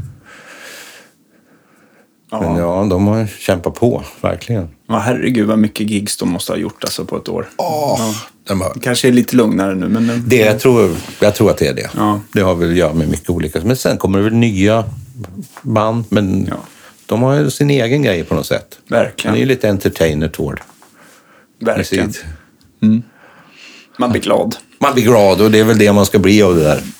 Men, men då tog du flyttlasset ner till Stockholm. Jag tog flyttlasset ner till Stockholm. Jag hade ju liksom... Ja, jag har ju hållit på med så konstiga saker. Jag, genom det här som jag berättade om för tidningen så fick jag de här så kallade sommarjobben. Så det var and, mellan första och andra åren när jag gick där Birka Östersund. Så var jag faktiskt på turné med Lotta Engberg och Håkon Pedersen. Eh, på sommarturné, folkparksturné. Som så här... Eh, och det var ju jättebra sommarjobb. Man bodde i någon liten etta i Karlstad på en madrass och åkte runt och spelade. Var inte så noga. Också så rutin. Men sen, för att hoppa lite, så sökte jag Birkagården här då. Och då var det på kontrabas. Men jag hade liksom aldrig tagit jazzlektioner, men jag har ju spelat alltså på... Så jag åkte ner hit och sökte. För att det var ju återigen Walter, så har du sökt något när jag gick andra året? Nej. Och då fanns det bara liksom det kvar. På något sätt som hade senare sökperiod.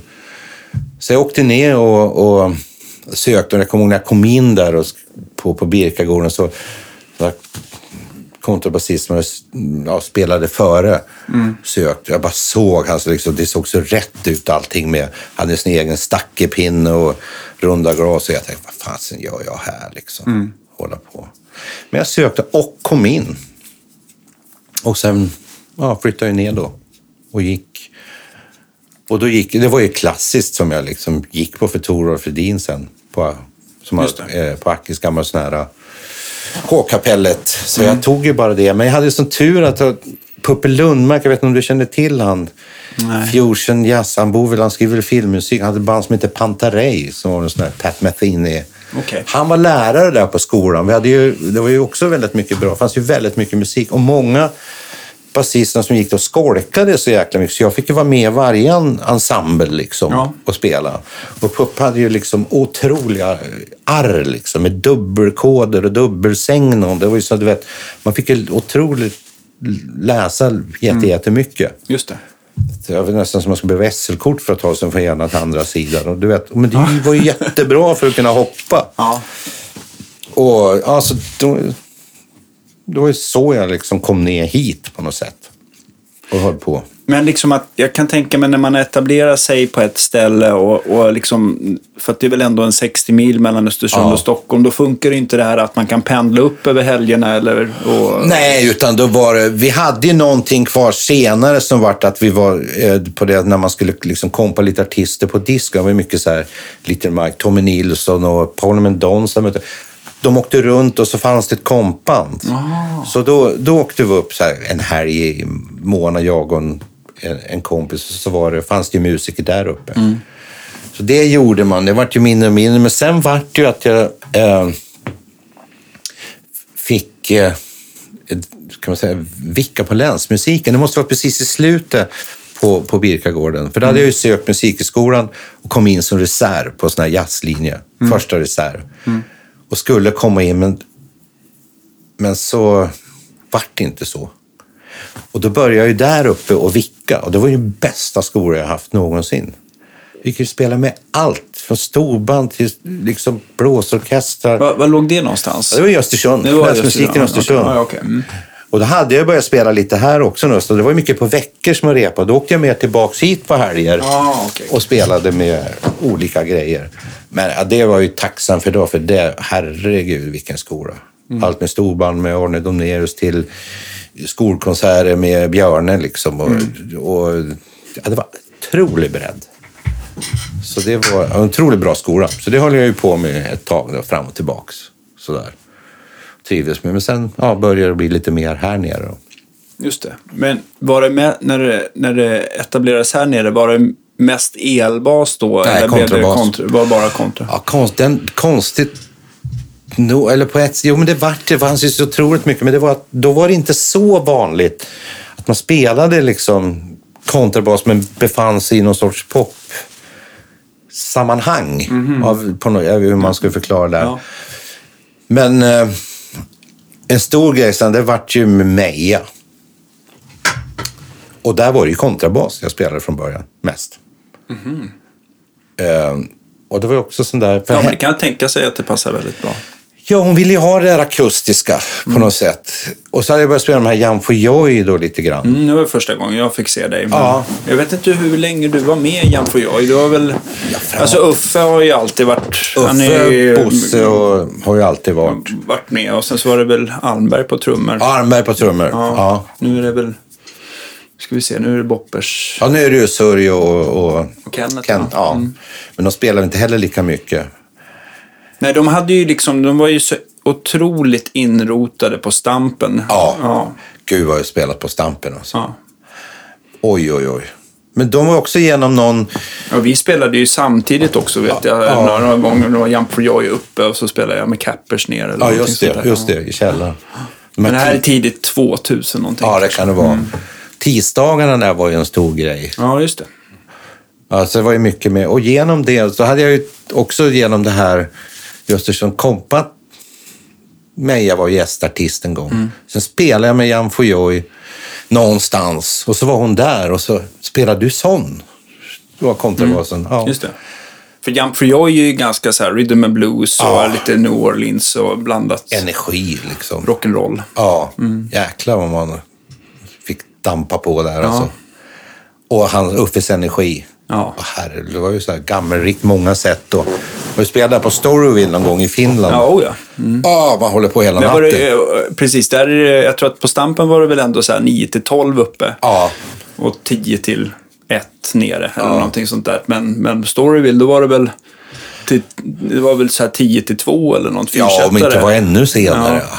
Ja. Vad jäklar, det var, var kul där nere i ja, det källaren. kul. Där fick man ju mata på. Ja, eller hur? Alltså, det var ju många år fram tillbaka. Det händer än idag att någon gång att man hoppar in med dem. Mm, just det. Om det blir något så panik. Men som sagt, jag tror inte de spelar lika mycket. Men då var det ju otroligt mycket. Nej, men jag tror att de också hade, jag tror att också med hur Josef som hade stampen då tyckte nog om Uffe för han drog mycket publik. Och, eh, och sen så var det nog ganska, han, jag tror han tyckte att det var, liksom, han körde nog på sådana akter som, som var lättjobbade och drog mycket folk och sådär. Och Jump for Joy var väl Jo, det var ju inne. absolut ett av dem.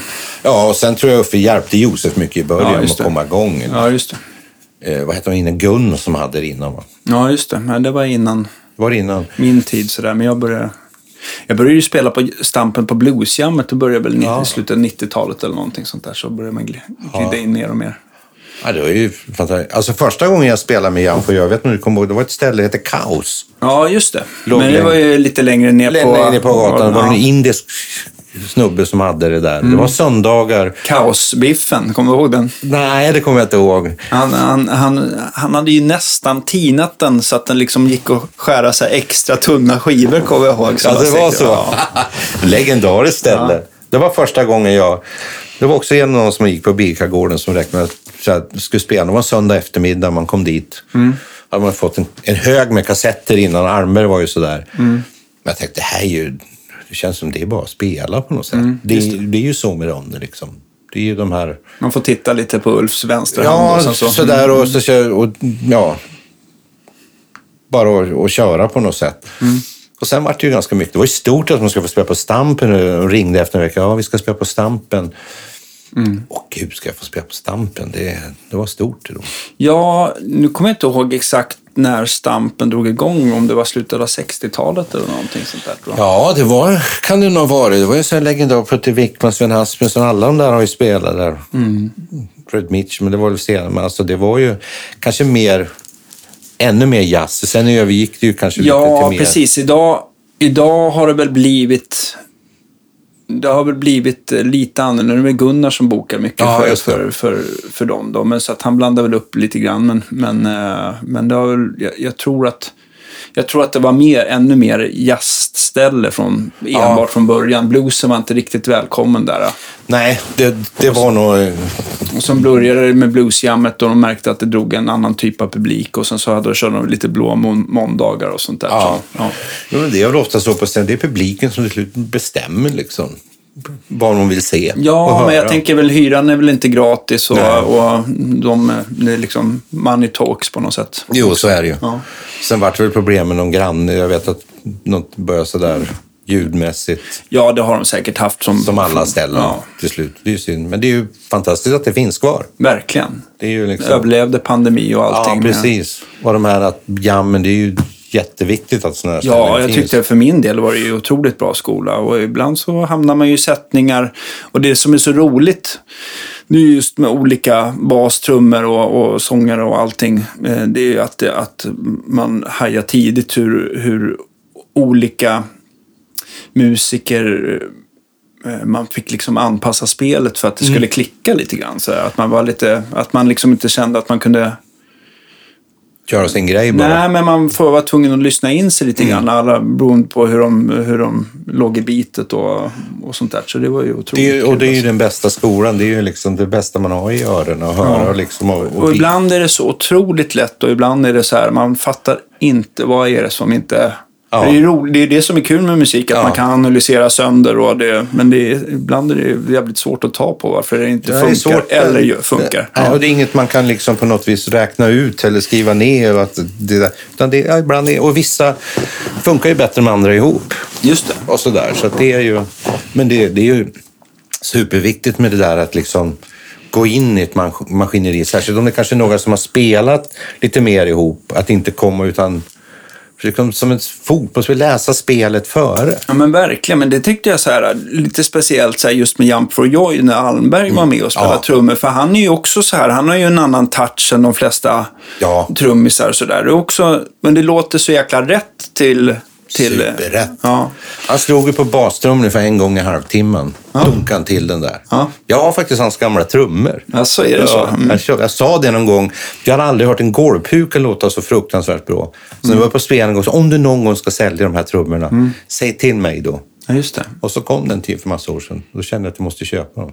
Men han var otroligt, på något vis lite Charlie Watts-aktig på något sätt. Ja, men lite yxigt fast ändå Ja. alltså, rätt på något sätt. Ja, så helt superrätt. Ja, Och noga med liksom saker. Nej, vad- Jo, men han var väl nästan mera, även, han var väl nästan mer så att han hade spelat mycket rockabilly och rock'n'roll innan och sånt där. Kom lite från det hållet istället. Precis, vad heter han? Phil Med, Trigwell. ja, Deputies var han väl med, Ja, med, just med det, Alf och- Östlund och... Ja, Affe ja. Och, Johan kom från det där. Var mycket, de var också mycket Tyskland vet jag. Jyrki på gitarr tror jag att det var, va? Han var Ja, kanske Han var. Jag kommer ihåg den här längre. Phil. Ja. Jo. Håller han på fortfarande? Eh, Han var ju ganska gammal då. Nej, jag tror inte han spelar så himla mycket, men nu är han glad pensionär sedan länge. Men han bor kvar i Bandhagen. Ja, i gör det? Ja, absolut. Han målade eller så här, någonting. Ja, jobbar som målare. Han var också, kom dök in på stampen lite och körde Ja, men han gillade ju, han gillade väl, hans största, var- han var väl stort Buddy Holly-fan. Ja, Mm. exakt så var det. ja. De gjorde, jag vet, de gjorde så att det var så noga med att skulle spela in dem. Det var i Hals, Hallstahammar. Det fanns någon sån här rockabilly-studio. Just det. Det skulle bara vara en mick. Och, Joe Allen, kan det varit det? Eller jag kommer inte ihåg. Kom, de höll på med det där med ljud och... Ja, det, ja, det är precis. Det är mycket gamla mickar. Och det Ja, skulle väldigt... Vara. Där var ju Phil väldigt nördig. Ja, han var... Han, det är nästan så här, jag vet inte om du har hört dem, men det finns, det finns någon skiva som han har gjort där han har spelat in allting själv på en porta hemma. Den låter känner- så sjukt bra. Det Alltså. känner jag igen att jag har hört. Ja. Som Almberg spelade. Ja. Superbra. Och låter verkligen som en gammal inspelning. Ja, det är svinbra. Synd att jag inte har skivan eh, uppe, men det är en sån här platta som man vill ha framme. Men där är, det här hur han har lyckats. Så han har spelat in allting med typ en sån här, du vet en sån här Elvis Shore-mikrofon. Ja, ja. Så att det är inte någon så här, jag vet inte vad just det de är. hade de här silvriga... Ja, precis. just det. Som ser rätt ut. Men Ja. den eh, ja, Det kan vi snacka om legendar på något sätt. verkligen. Ja. Men eh, nej, men det var länge sedan jag såg han var aktiv sådär. Men det, ja, det är väl... Det är väl det. Sen så... Sen så eh, jag kommer ihåg, rockabillyn var ju ganska, eh, inte stor, men den var en ganska levande subkultur här i Stockholm. Framförallt 90 och eh, en bit in. Eh, så eh, första delen av, eh, fram till 2011-2012. Sen bara, det bara tvärdog. Det var så, så? Ja, det liksom, jag, hade, så här, jag hade en klubb som heter Rocket Room som vi körde.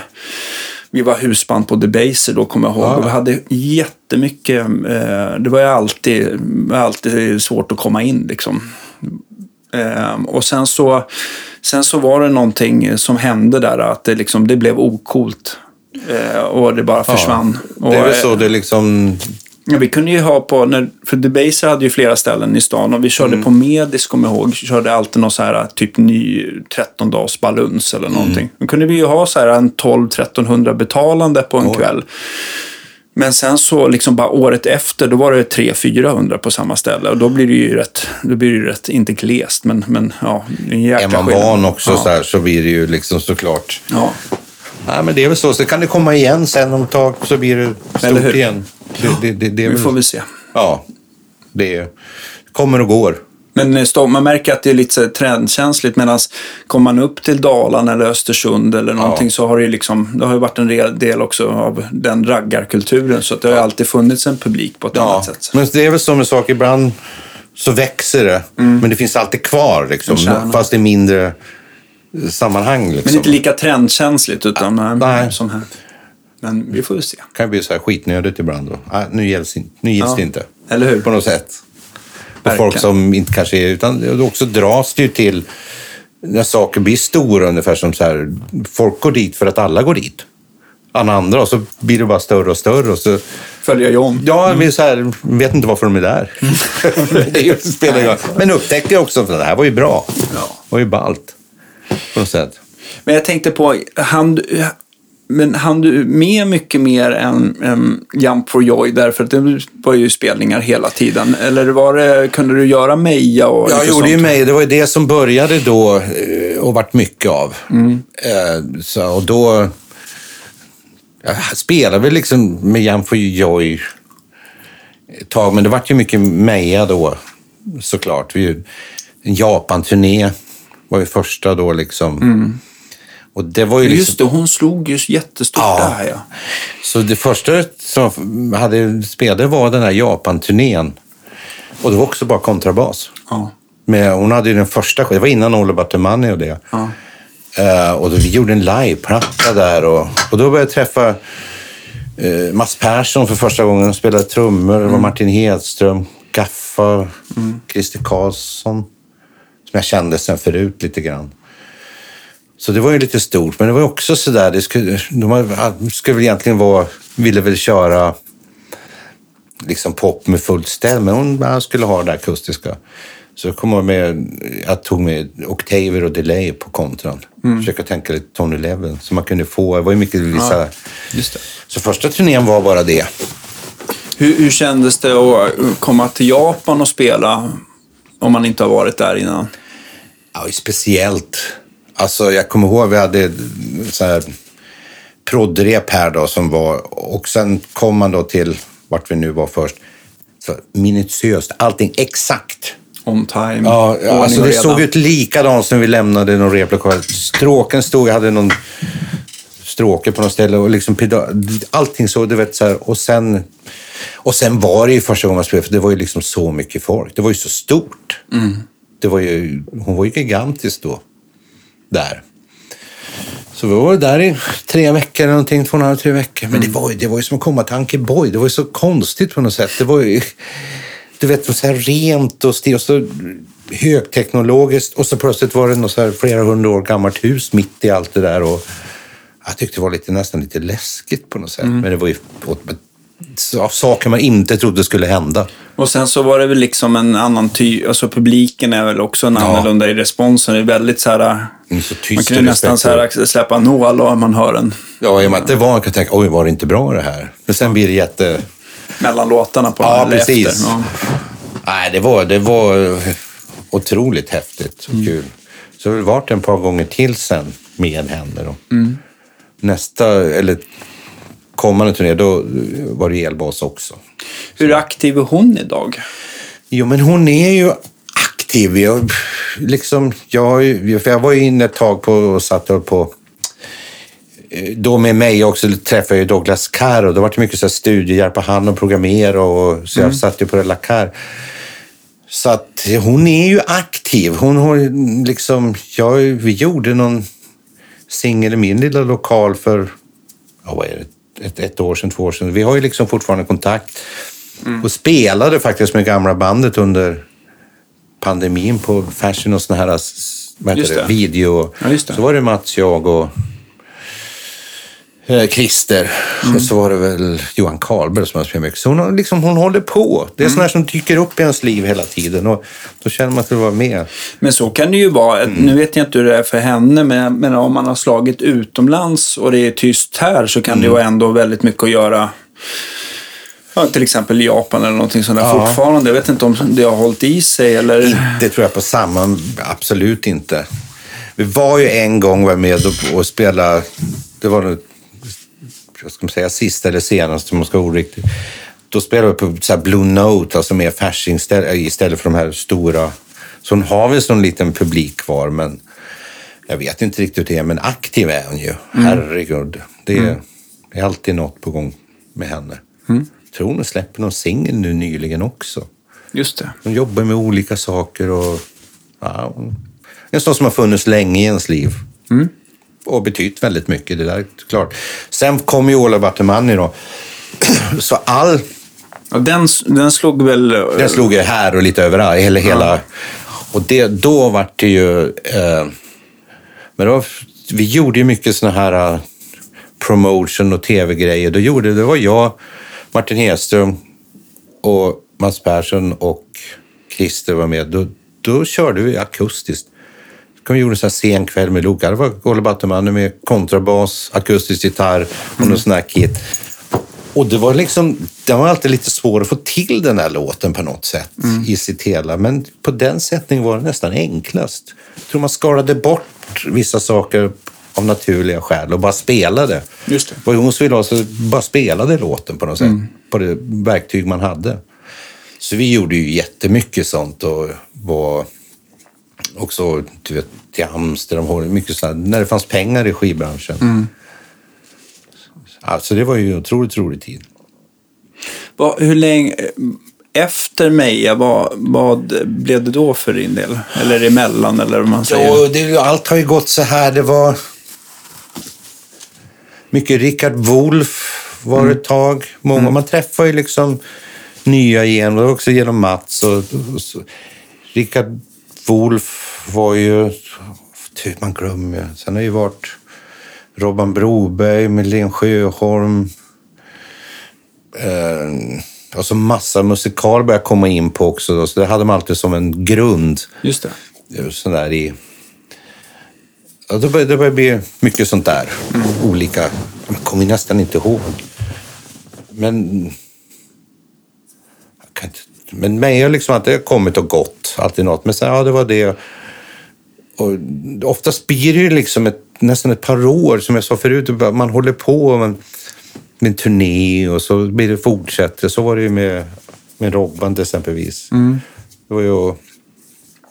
Rickard Det var, det kära Ulf Börjesson. På, Uffe Börjesson, herregud ja, att det var. ja. Han har ju också varit gäst här. Ja, det har han ju. Ja, just. Ja, En, en glad, en pratglad, eh, Väldigt. mycket härlig gäst tycker jag. Rolig. Ja, fan, fantastisk. Ja. Det också kom in bara by the way sådär på något sätt. Och, och det var ju... Ja, men sen vart ju han liksom sjukare och sjukare på slutet. Så, Just det. Så att det var, men Uffe var ju en jätteräddning för honom. Jo, men han styrde upp väldigt mycket. Ja, Allt från väldigt. studio till, till Ja. att skriva låtar eller hjälpa till. Och, Ja, programmera och... väl lite, nästan inte, jag vet inte om han var han som kapellmästare för det bandet. Mm, det kan man nog säga att han var. Eh, absolut. Och han hade ju varit med så länge också. Ibland har väl de gjort, ibland var han ljudtekniker tror jag, bara när Robban gjorde sina egna grejer bara med Just gitarr. Ja, då var han ljudtekniker.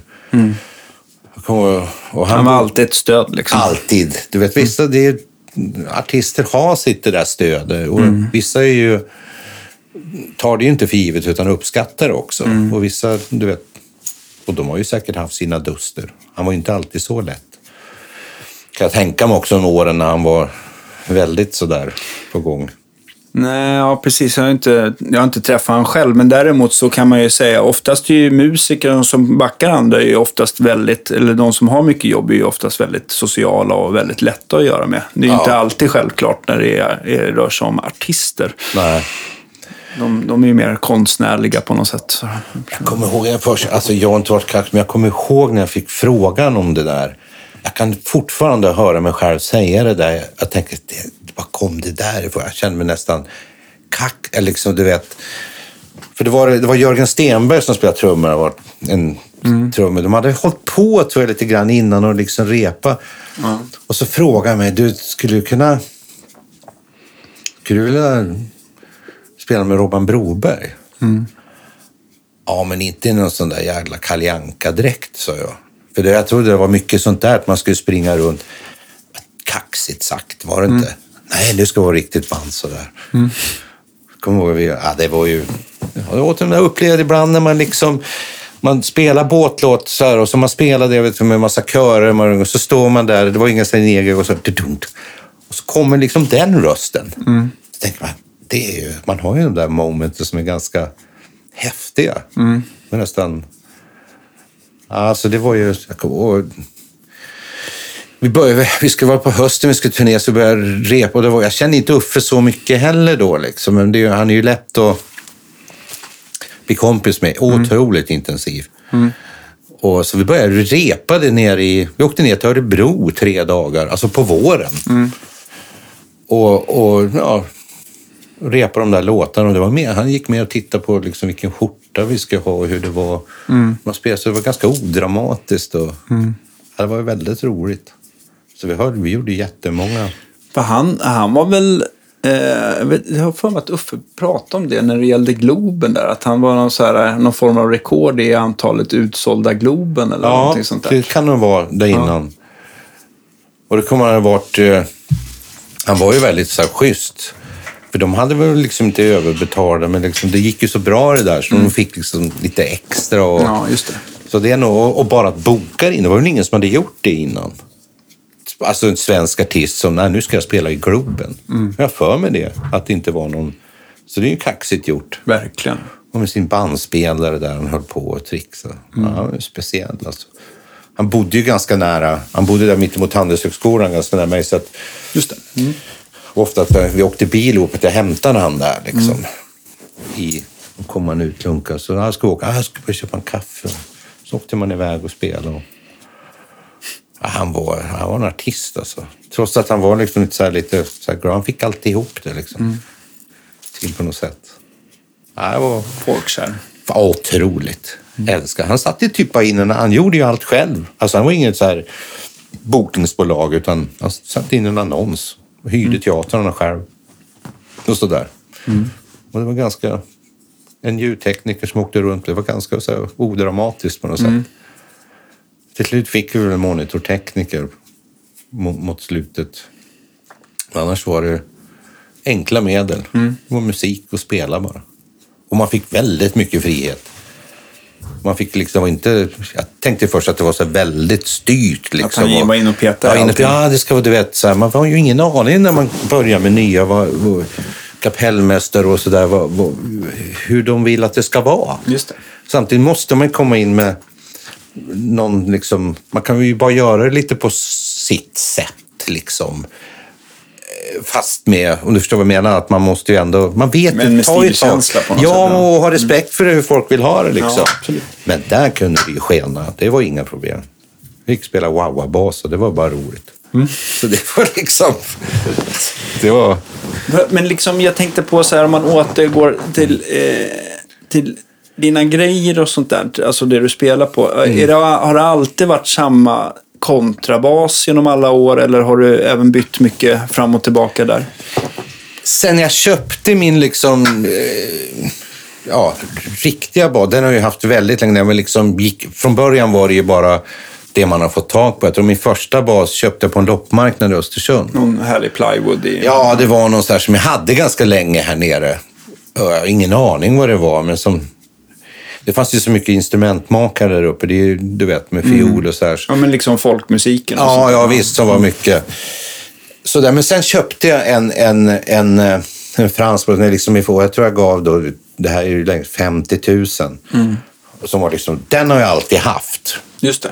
Med, med ganska liksom, men sen har jag, i och med att jag började spela liksom så mycket, så har jag liksom haft en basstil som har stått på ställen. Just det. Jag började med en enkel, men det liksom funkar nu, så jag har liksom bytt upp hela tiden. Så nu har jag två liksom väldigt bra 1800-talsbaser. Okej. Så att den ena kan jag säga har haft väldigt länge, alltså sen jag började spela liksom mer på riktigt här nere. Men liksom så här helsolida, super... den ja. är från 1833 tror jag den där eh, som jag har haft längst. Hur, hur, liksom, hur rädd... Alltså jag fattar att man liksom inte kan stå och hoppa på den på, eller klättra Nej. eller ja, köra de här det- rock'n'roll-grejerna. Men, men, men hur rädd måste du liksom vara mer än när du bara har en stående sånt där? Är, det liksom, är den eh, känslig för att spricka när det blir torrt eller, eller får du liksom...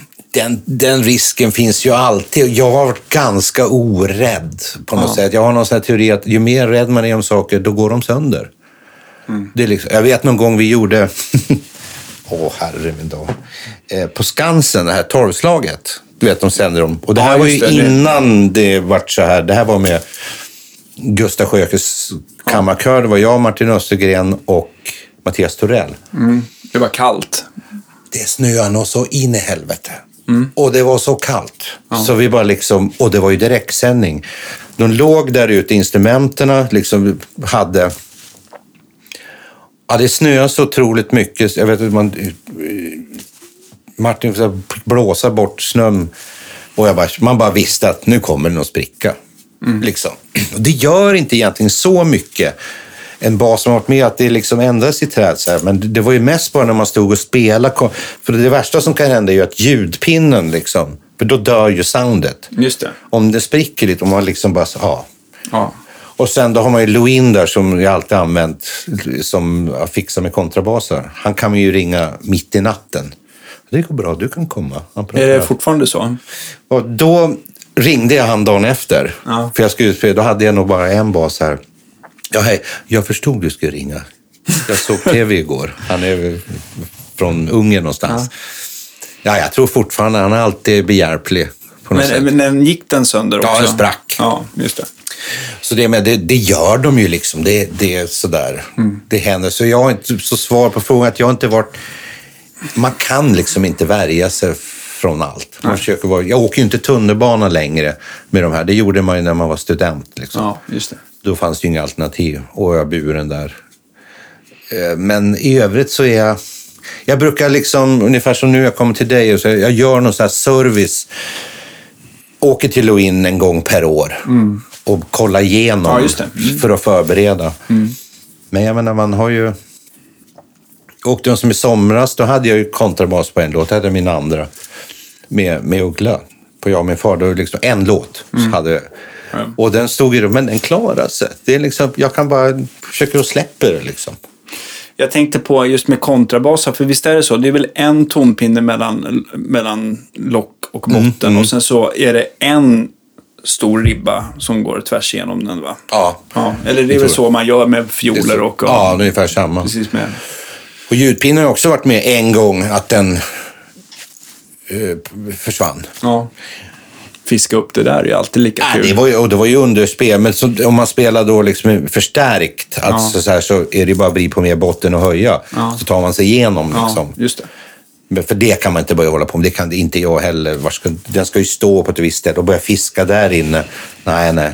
Har det alltid varit stålsträngar för dig eller har du hållit på med, eh, alltså med Sensträngar och sensträngar och nylon? Eller? Nej, jag har väl provat någon gång sådär att, att ha G-strängen som scensträng. Och, men jag har ju aldrig liksom karducka sådär. Liksom. Inte Alf Östlund släpp. Inte Alf Östlund, nej, nej, det där är... Nej. Anders Backberg och Ja, andra ja, det är ju jättemånga som är snorbra på det där. Nej, så jag har kört. Men däremot har jag ehm, på, på ena basen då som... ah, Jag kallar dem stråksträngar. De är liksom... Det är väl de här... Vad de nu heter. Eva Pirast någonting.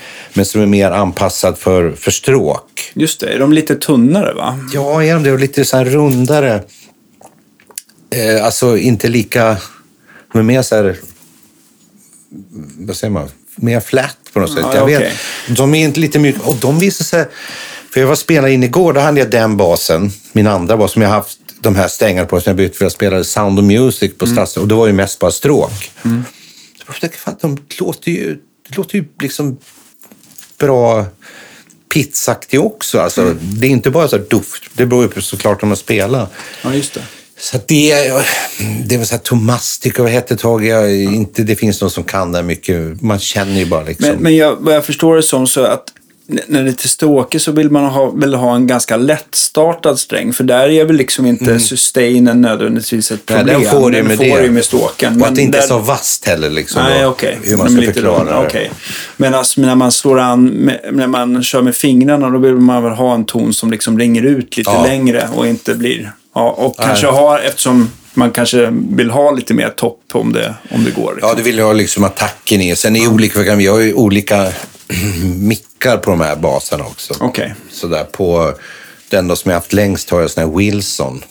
Och Och det, det, var är ju, väl de man borrar i stallet för att göra Precis. mickar så man kan reglera lite. och det var ju jättebra när man spelade just här med, när det var mycket popsammanhang och liksom ganska, för de är inte så känsliga. Och de låter ju liksom, de låter bra. Många kan ju tycka att de är lite, det är ju så Nils Henning hade ju det och eh, lite så, men det är liksom bra tryck i dem. Är när man ska liksom spela såna större grejer. När inte det kan vara det här. Det är klart, drömmen är ju att ha någon sån här gammalt Ray Brown-sound, men det är jazztrio-aktigt, men det, det, jag är inte så mycket i de sammanhangen. Och på den andra då, det satte på er någon sån här uh, Fisherman Full Circle. Den sitter liksom, det är ju sån här höj och sänkbart stall. Just det. Och den sitter i som i skruven. Jaha, okej. Och den är fantastiskt bra. Så jag liksom aldrig, jag tänker, jag spårar inte in Wilson i den. Utan jag har dem lite så här olika och den funkar också jättebra på stråk. Liksom. Men det är lite sådär också, ibland så kanske man inte ska röra instrumenten för att eh, jag har ju märkt så mycket när man har installerat mickar i, till folk att Mm. i vissa, bara, det blir så himla bra träff liksom att det funkar och i nästa gitarr så bara, vad fasiken lät det inte bättre än så här, samma mick så här. Ja, så det är verkligen... Nej, det är liksom, vad jag, if it ain't broken, Don't, ja, fix precis. it. Ja, precis. Nej, så det har jag och det är liksom två bra baser. Men sen har jag den här Corners preampen. Jag är inte så eh, liksom superkänslig, men där kan jag verkligen märka skillnad. Alltså att den lät, den lät fan bra. Alltså Pete Cornish. Ja, alltså, den gråa- Ja, stora. Ja. Mm. Det är, så, är den stor måste det vara mycket bra grejer i tänker jag. Eller hur? Nej, men det var nog det var väl genom Stenemo på något sätt som hade det. Så jag, prov, jag tyckte verkligen att, att, att, att det lät bättre. Mm. Så det har jag självklart två. Jag har ju fan två av allting, verkar det som. Jag måste ju ha en där och en där. Mm. Ja, just det. Men den är superbra. Men mellan, mellan kontra och förstärkare. För Mm. du kör alltid starkare. Det är inte så att det bara går från alltså, någon slags DE-box ut till P8 direkt. Ja, Utan, nu när in-ear, så, som på börs, mycket de giggarna har det ju... Då har jag ju bara in-ear. Då går det rakt ut och så i.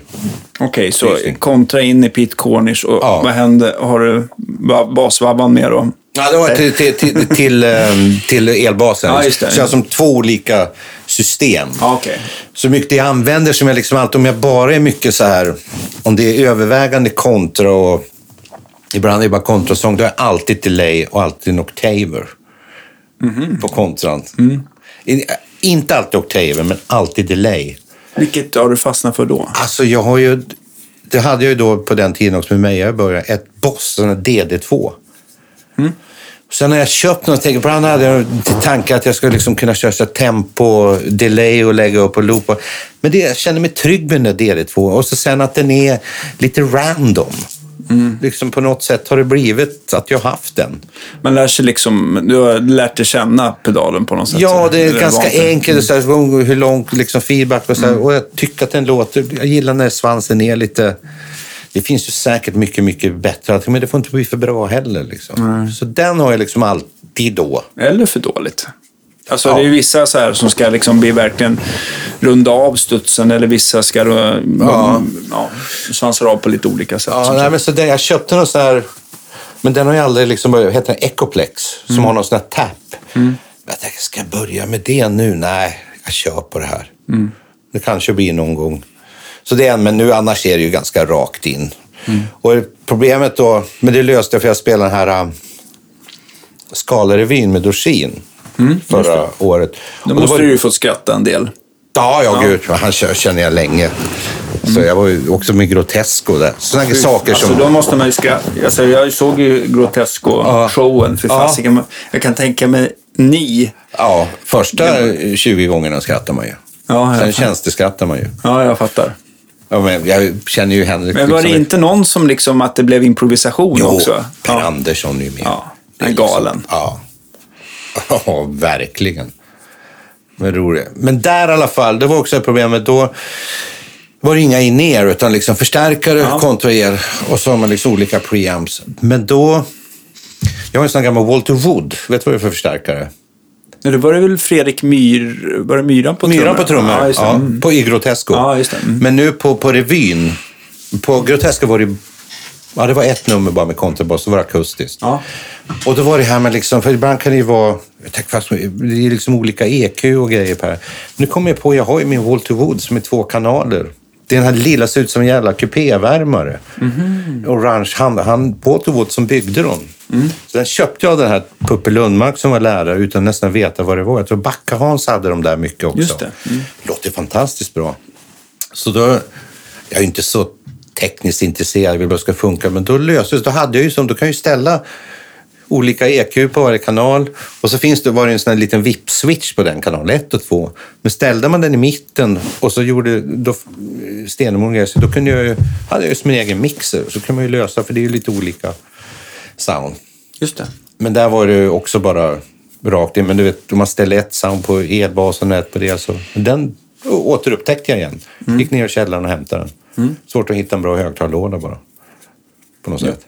Ja, är det att du liksom har någonting som är relativt eh, Litet. litet då, men ändå har, låter fylligt förstår jag. Ja, jag hade ju under där mycket förr, även med Jan och där med, när vi gjorde en Hartke 210, 210, Mm. tror jag, Transport det hette. Den var superlätt.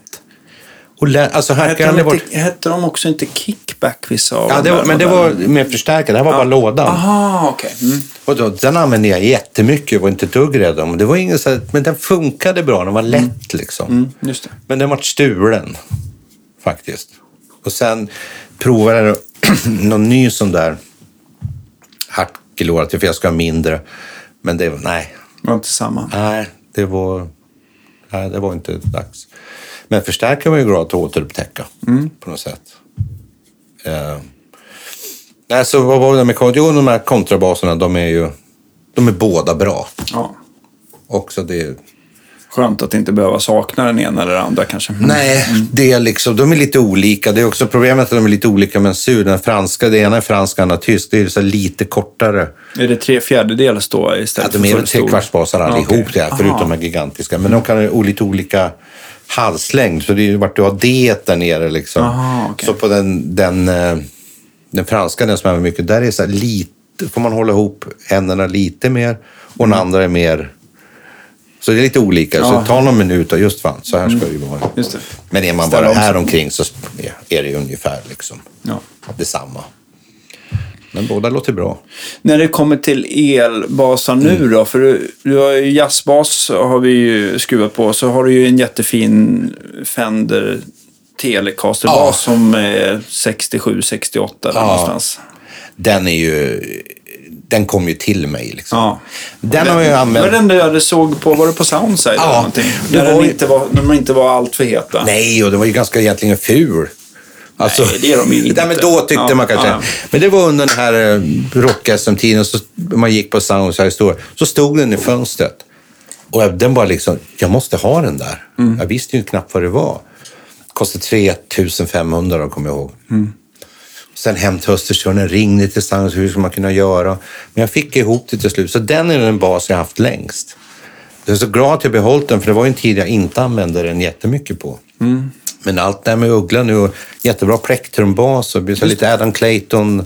Vi får se, för nu lade vi tillbaka. Du hade ju fått Ja. eh, med, originalmicken förstörd, så den lindades om av Lundgren. Ja, och nu det ska bli det, intressant.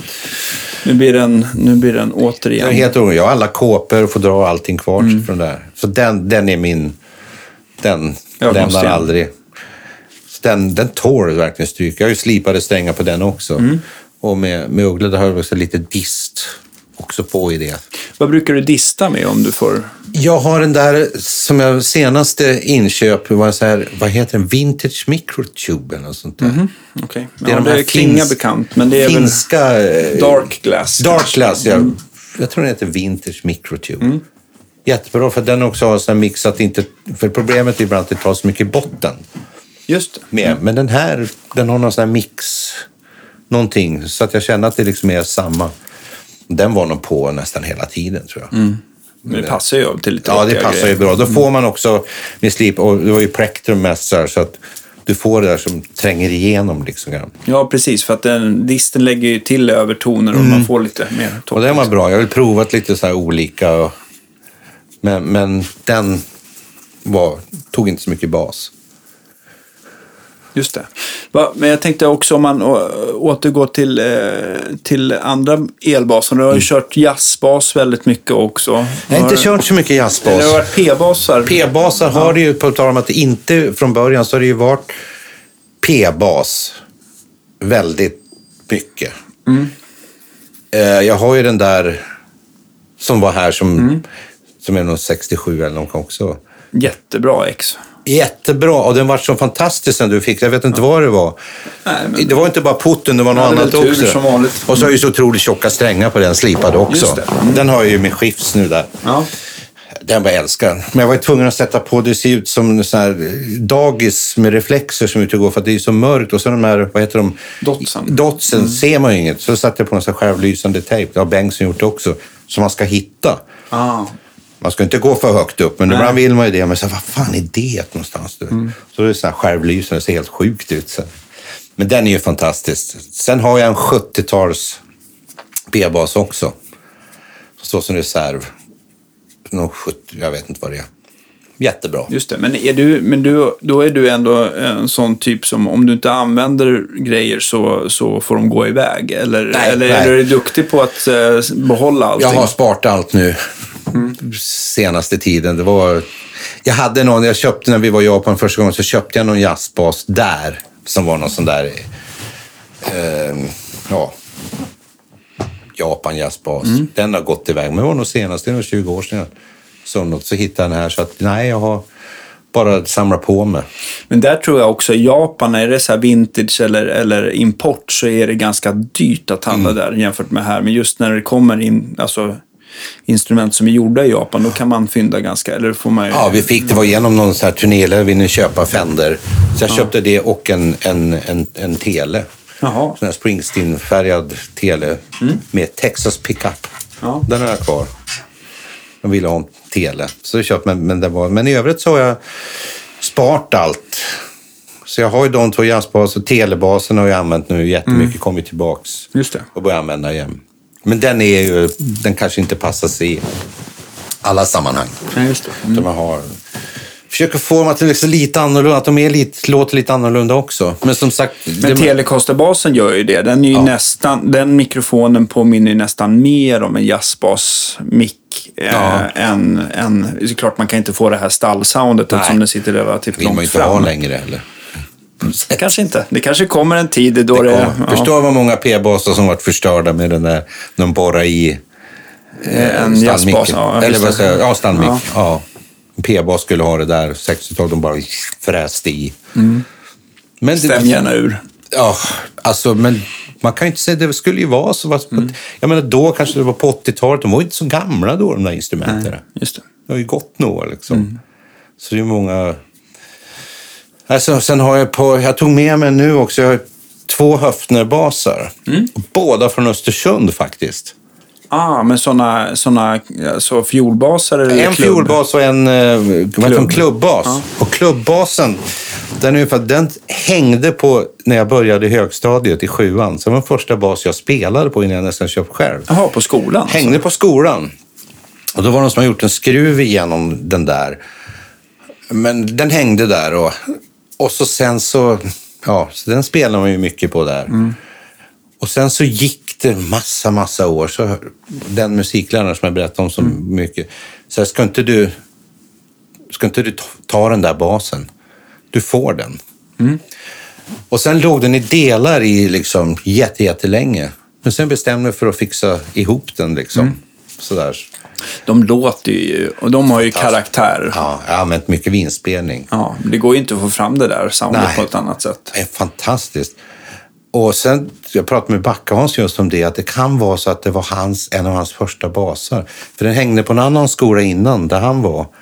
Och att han köpte den, återigen kan det vara på Bok och musik, så kan det vara den basen vi pratar om. Vi bestämde att är nog den. Ja, den men har, har han fått se den, eller? Nej, men vi visste ju att det var en sån. Ja, han det. har ju koll. Så att eh, det, det kan vara den. Sen den andra basen, då, eh, vad heter det, Höf- fiolbasen. Mm. Den fick, jag ska köpa då en kontrabas av en, en tant vars änk, hon var änka och gubben har gått bort som var en legendarisk basist. Och Mm. alla pratade om den där kontrabasen. skulle vara så fantastisk liksom. Och, eh, och jag kunde inte så mycket om det där, men så var jag där och kollade och så ville hon att den skulle liksom gå vidare. Och hon var ju helt värdelös.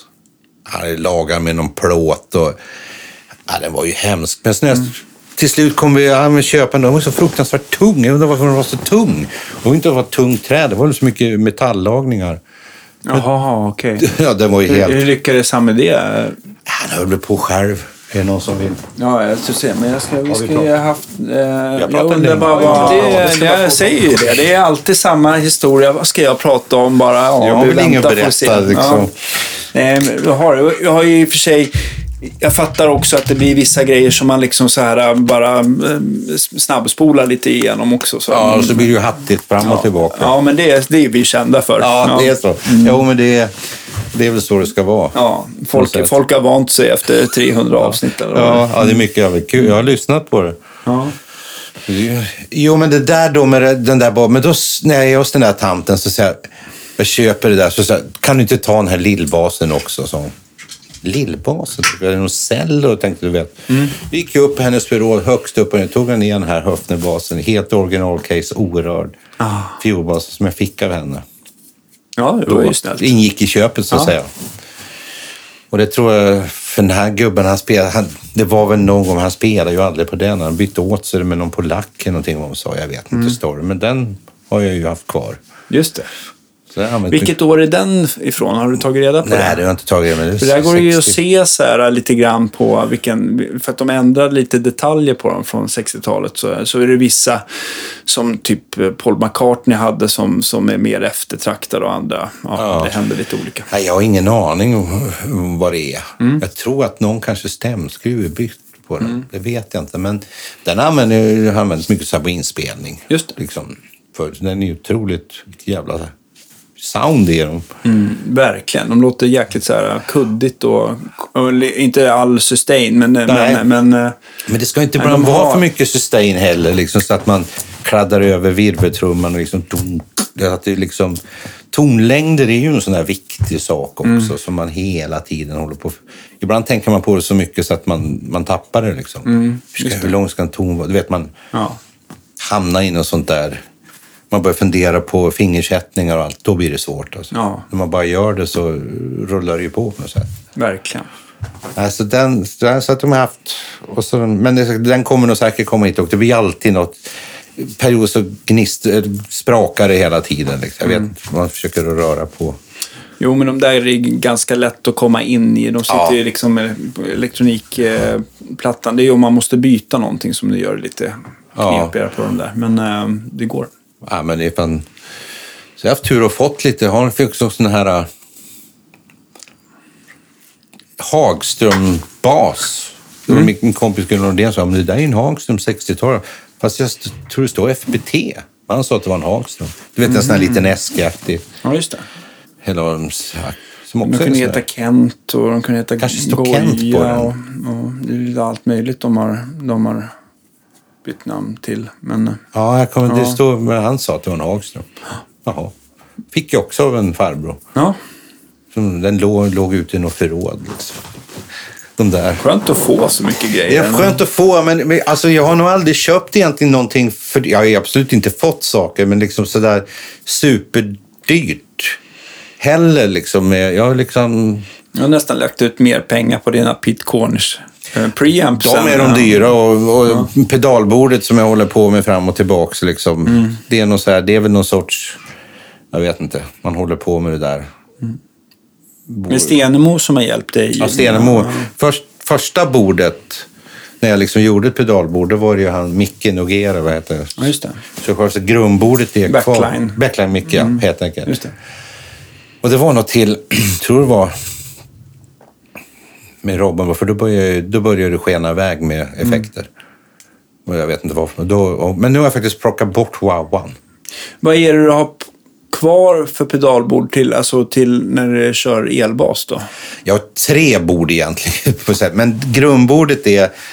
Och det, har, det var också nu för sommar, så första gången jag skaffade en kompressor i mitt liv. Eh, Så det är ett med, jag har den här Olympic, heter den va, preampen, en sån här rysk. Något där. Den är bra. Nu och så har jag en sån här clone, clone theory. Så oktaver alltid. Jag vet inte hur många oktaver jag har. Och så ska det vara OC2. Men eh, ja, det, är, det ska vara OC, Boss OC2 Ja. Octaven, okej. Mm. Sen har jag en sån här Ampeg Sublaster, de här Ja, just det. stora. När jag brukar göra blank så, så kör jag eh, den här Clone Theory, det är väl Electro Harmonix tror jag. Just det. Och Octaver.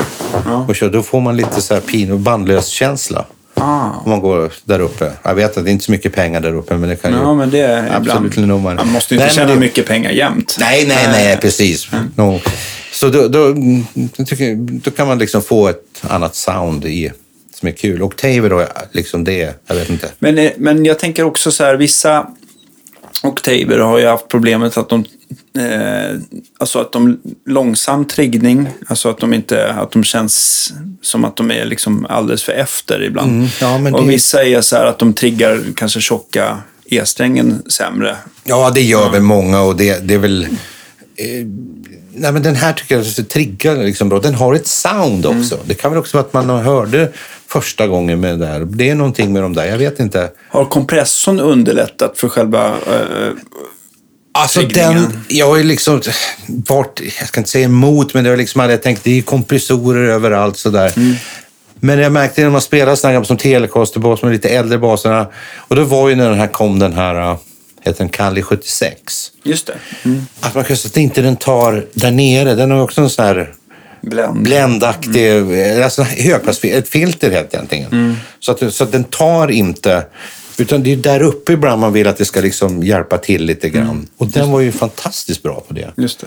Så det var inför sommaren som jag skaffade det, eh, den. Och det har jag faktiskt känt, så den har jag liksom alltid på. Och tar väldigt lite liksom.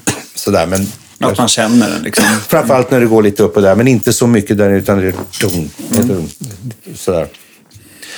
Och så har jag, och så hade jag eh, haft ett sånt här fjäderreverb. Men det är svårt i live-sammanhang. Och så hade jag, nog, jag hade ju en period när det bara krånglade. Dels putten på den här basen. Så hade Stenemo fixat bordet. Så var det någonting, jag hade någon grej i, i loop och reverbet. Och bara rycka ut. Och det, det är nog mer en vision, dröm att det ska ha det. Men det liksom det. det blir inte så mycket live. Så att jag tänkte att jag sa, och wowan plockar jag bort nu efter alla dessa år. Får se om den kommer tillbaks. Hittar du någon vavva som du tycker funkar bra till bas eller blev det bara en vanlig gitarrvavva? Nej, eller? utan den här, en, en baswow och en vit, alltså vad heter de? En sån här, Så tänker Jim Dunlop typ. ja, typ en sån. Crybaby. Crybaby-bas. Ja, Som jag tycker funkar bra. Eh, Men det, det är också så här, inte så jäkla användbart. Man har liksom gått det där, men ibland var just med, med, med, med Broberg där så var det någon som jag spelade liksom nästan hela tiden på någon vers. Så här, men i övrigt är det ju liksom inte... Och det var, jag hade lite så här problem med Brum och så ett här, ta bort allt som inte använder. Men Phaser hade jag också där. Det var ju så här, fill in något med hela. Men det, man får börja plocka bort liksom. Det, Ja, jag har också skalat ner. Eh, Ja. eh, inte för att jag har haft några sådana här större rymdskepp till Nej. pedalbord, men, men eh, jag har haft ganska sådär mycket, men, men skalat ner. Ett tag hade jag också en sån här, vad heter den där, eh, som är någon, både dist och autofilter. Också så här, inte heller, kan inte använda så mycket liksom. just det. Sen har jag ju då, ah, men på varje pedalbord jag har så har jag oktaver. Jag har ett sånt där liksom helt bara med nästan preamps. Men det är alltid en oktaver med. Det är liksom nallen. Kudden, man får trycka till en någon gång. Ja, eller hur? Så känns det bra liksom. Den smygs alltid in Det någonstans. smygs alltid in och så ingen säger något så då kör jag. Ja, det är bra. sätt. Eh, jag tänkte också på, eh, nu vet jag, nu ska vi se var vi var någonstans. Efter, jag tänkte så här, efter Meja, var det det sista vi pratade om innan vi, alltså innan vi hoppade in på eh, vad du gjort nu senast med Uggla och, och, och Ja, eh, så då- och eh, Schiff sådär. Jag tänkte bara om man ska, för det känns som att det blev ett litet hål där. Ja. Som inte riktigt... Eh, så ju- det känns som att man i alla fall kan bara fylla i lite grann. Ja, där fall. kan man Ja. fylla. Det är, det är ju så mycket liksom, om man struntar i så små grejer. Men Hel- Helen Sjöholm var ju ett tag mycket med Jojje och Martin och Ja. Berka. Och ibland bara på trio och lite sådär.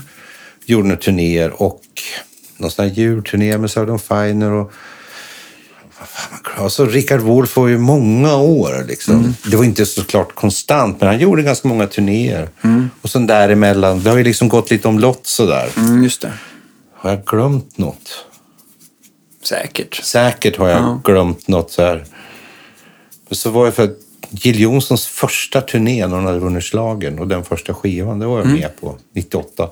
Men hon hade ju redan, eller 98, jo, 98 kan det vara så länge sedan. Eh, hon gjorde någon eh, skiva då som jag var med och Ja, spelade. hon, har ju varit, hon har ju varit aktiv länge i alla fall. Mm. och då, men redan då var hon inne på country. Det är ju verkligen hedrande att hon var så stark i... och Ja, liksom hon så- har ju countryhjärta om Ja, hon. och den första var ju mer slagen, så här Bobby Ljunggren-aktig.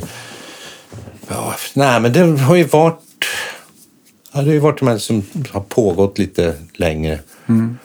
Och så alltid lite Jan Foyot ibland. Det var ju många år som det...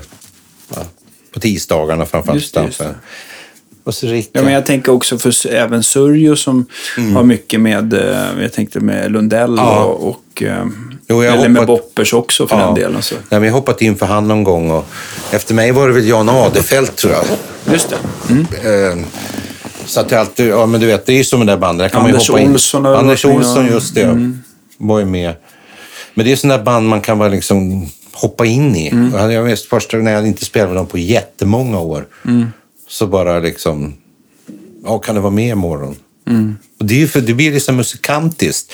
För det blir ju vad, vad det blir. Beroende, Mm. Och du pratar om för olika, vad det är för trummis. Om det är Kent eller Kjell Gustafsson eller om det är liksom olika som var Mm. där. Arnberg, han slutade ju för ganska länge sedan. Så får ju låtarna en, de blir ju vad de blir just då. Just det. kan finnas någon sån här grund som jag då kommer ihåg, som jag spelade dem, så här Hello Josefin så gjorde vi så. Då spelades det, ja då får ju kanske den trummisen hänga på det. Ja, det är ett stort lyssnande. Sen kan det ju alltid dykt upp, om inte de spelar på några år, så kommer någon ny låt som faktiskt har fyra ackord. Då blir Helt otroligt Ja, det är otroligt. Nej, det varit lite mer så. så. Men nu var det länge sedan. Nej, men så det är väl där, mig, mig som sagt, det funnits Van Broberg där, Rickard Bohl, Helene var mycket där. Och sen var Grotesco och så Henrik Dorsins egna soloturné.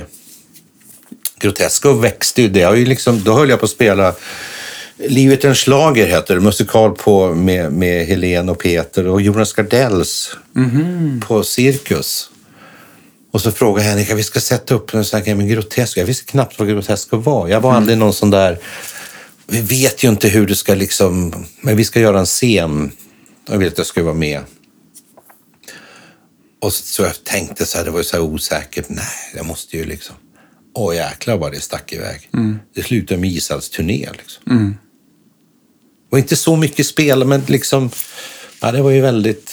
Att vara med om någonting som bara skenar sådär, som det gjorde. Så vi spelade liksom från början, var det så låga gager. Och bara se, funkar det så var, fanns det en sån här stegis. Det var efter två veckor var det ju liksom... Ja, bara då- sålde. Jag tror att jag såg det på skala. Ja, Skala var vi ju och sen så avslutade vi med... Sen så avslut, allting efter turnén avslutas på Cirkus. Och bara det. Och där var det ju, det här kommer jag ihåg, ett kilo mjöl och då får du, så hade ju olika gästartister hela tiden. På Cirkus kom ju hela Jönssonligan in. Alltså sista gången de var på scen, alltså Gösta Ekman, Brumberg och vad heter han? Ja. Ehm, Gustafsson, Björn Gustafsson. Ja, just det. hade de lyckats fått ihop. Så börjar, ja, då får ni... Alltså det jublet när de kommer in då alla tre där. Det var mäktigt alltså. Men sånt där fattar man först efteråt. Då, ska det liksom, då är man så i det liksom så. Men gjorde du någon sketch eller de bara kom in? De och... kom in och sa något Ja. sådär. Ja. Mm. Som man gjorde där ganska kort. Men det, jag tror det där finns på Youtube. Så sa du ska se Henriks min där. Det, jag tänker, han måste ha kissat på sig då. Han är som ett litet barn som bara... Du vet, det är som det. Paul Stanley skulle komma in hemma på, på den tiden det var. Ja.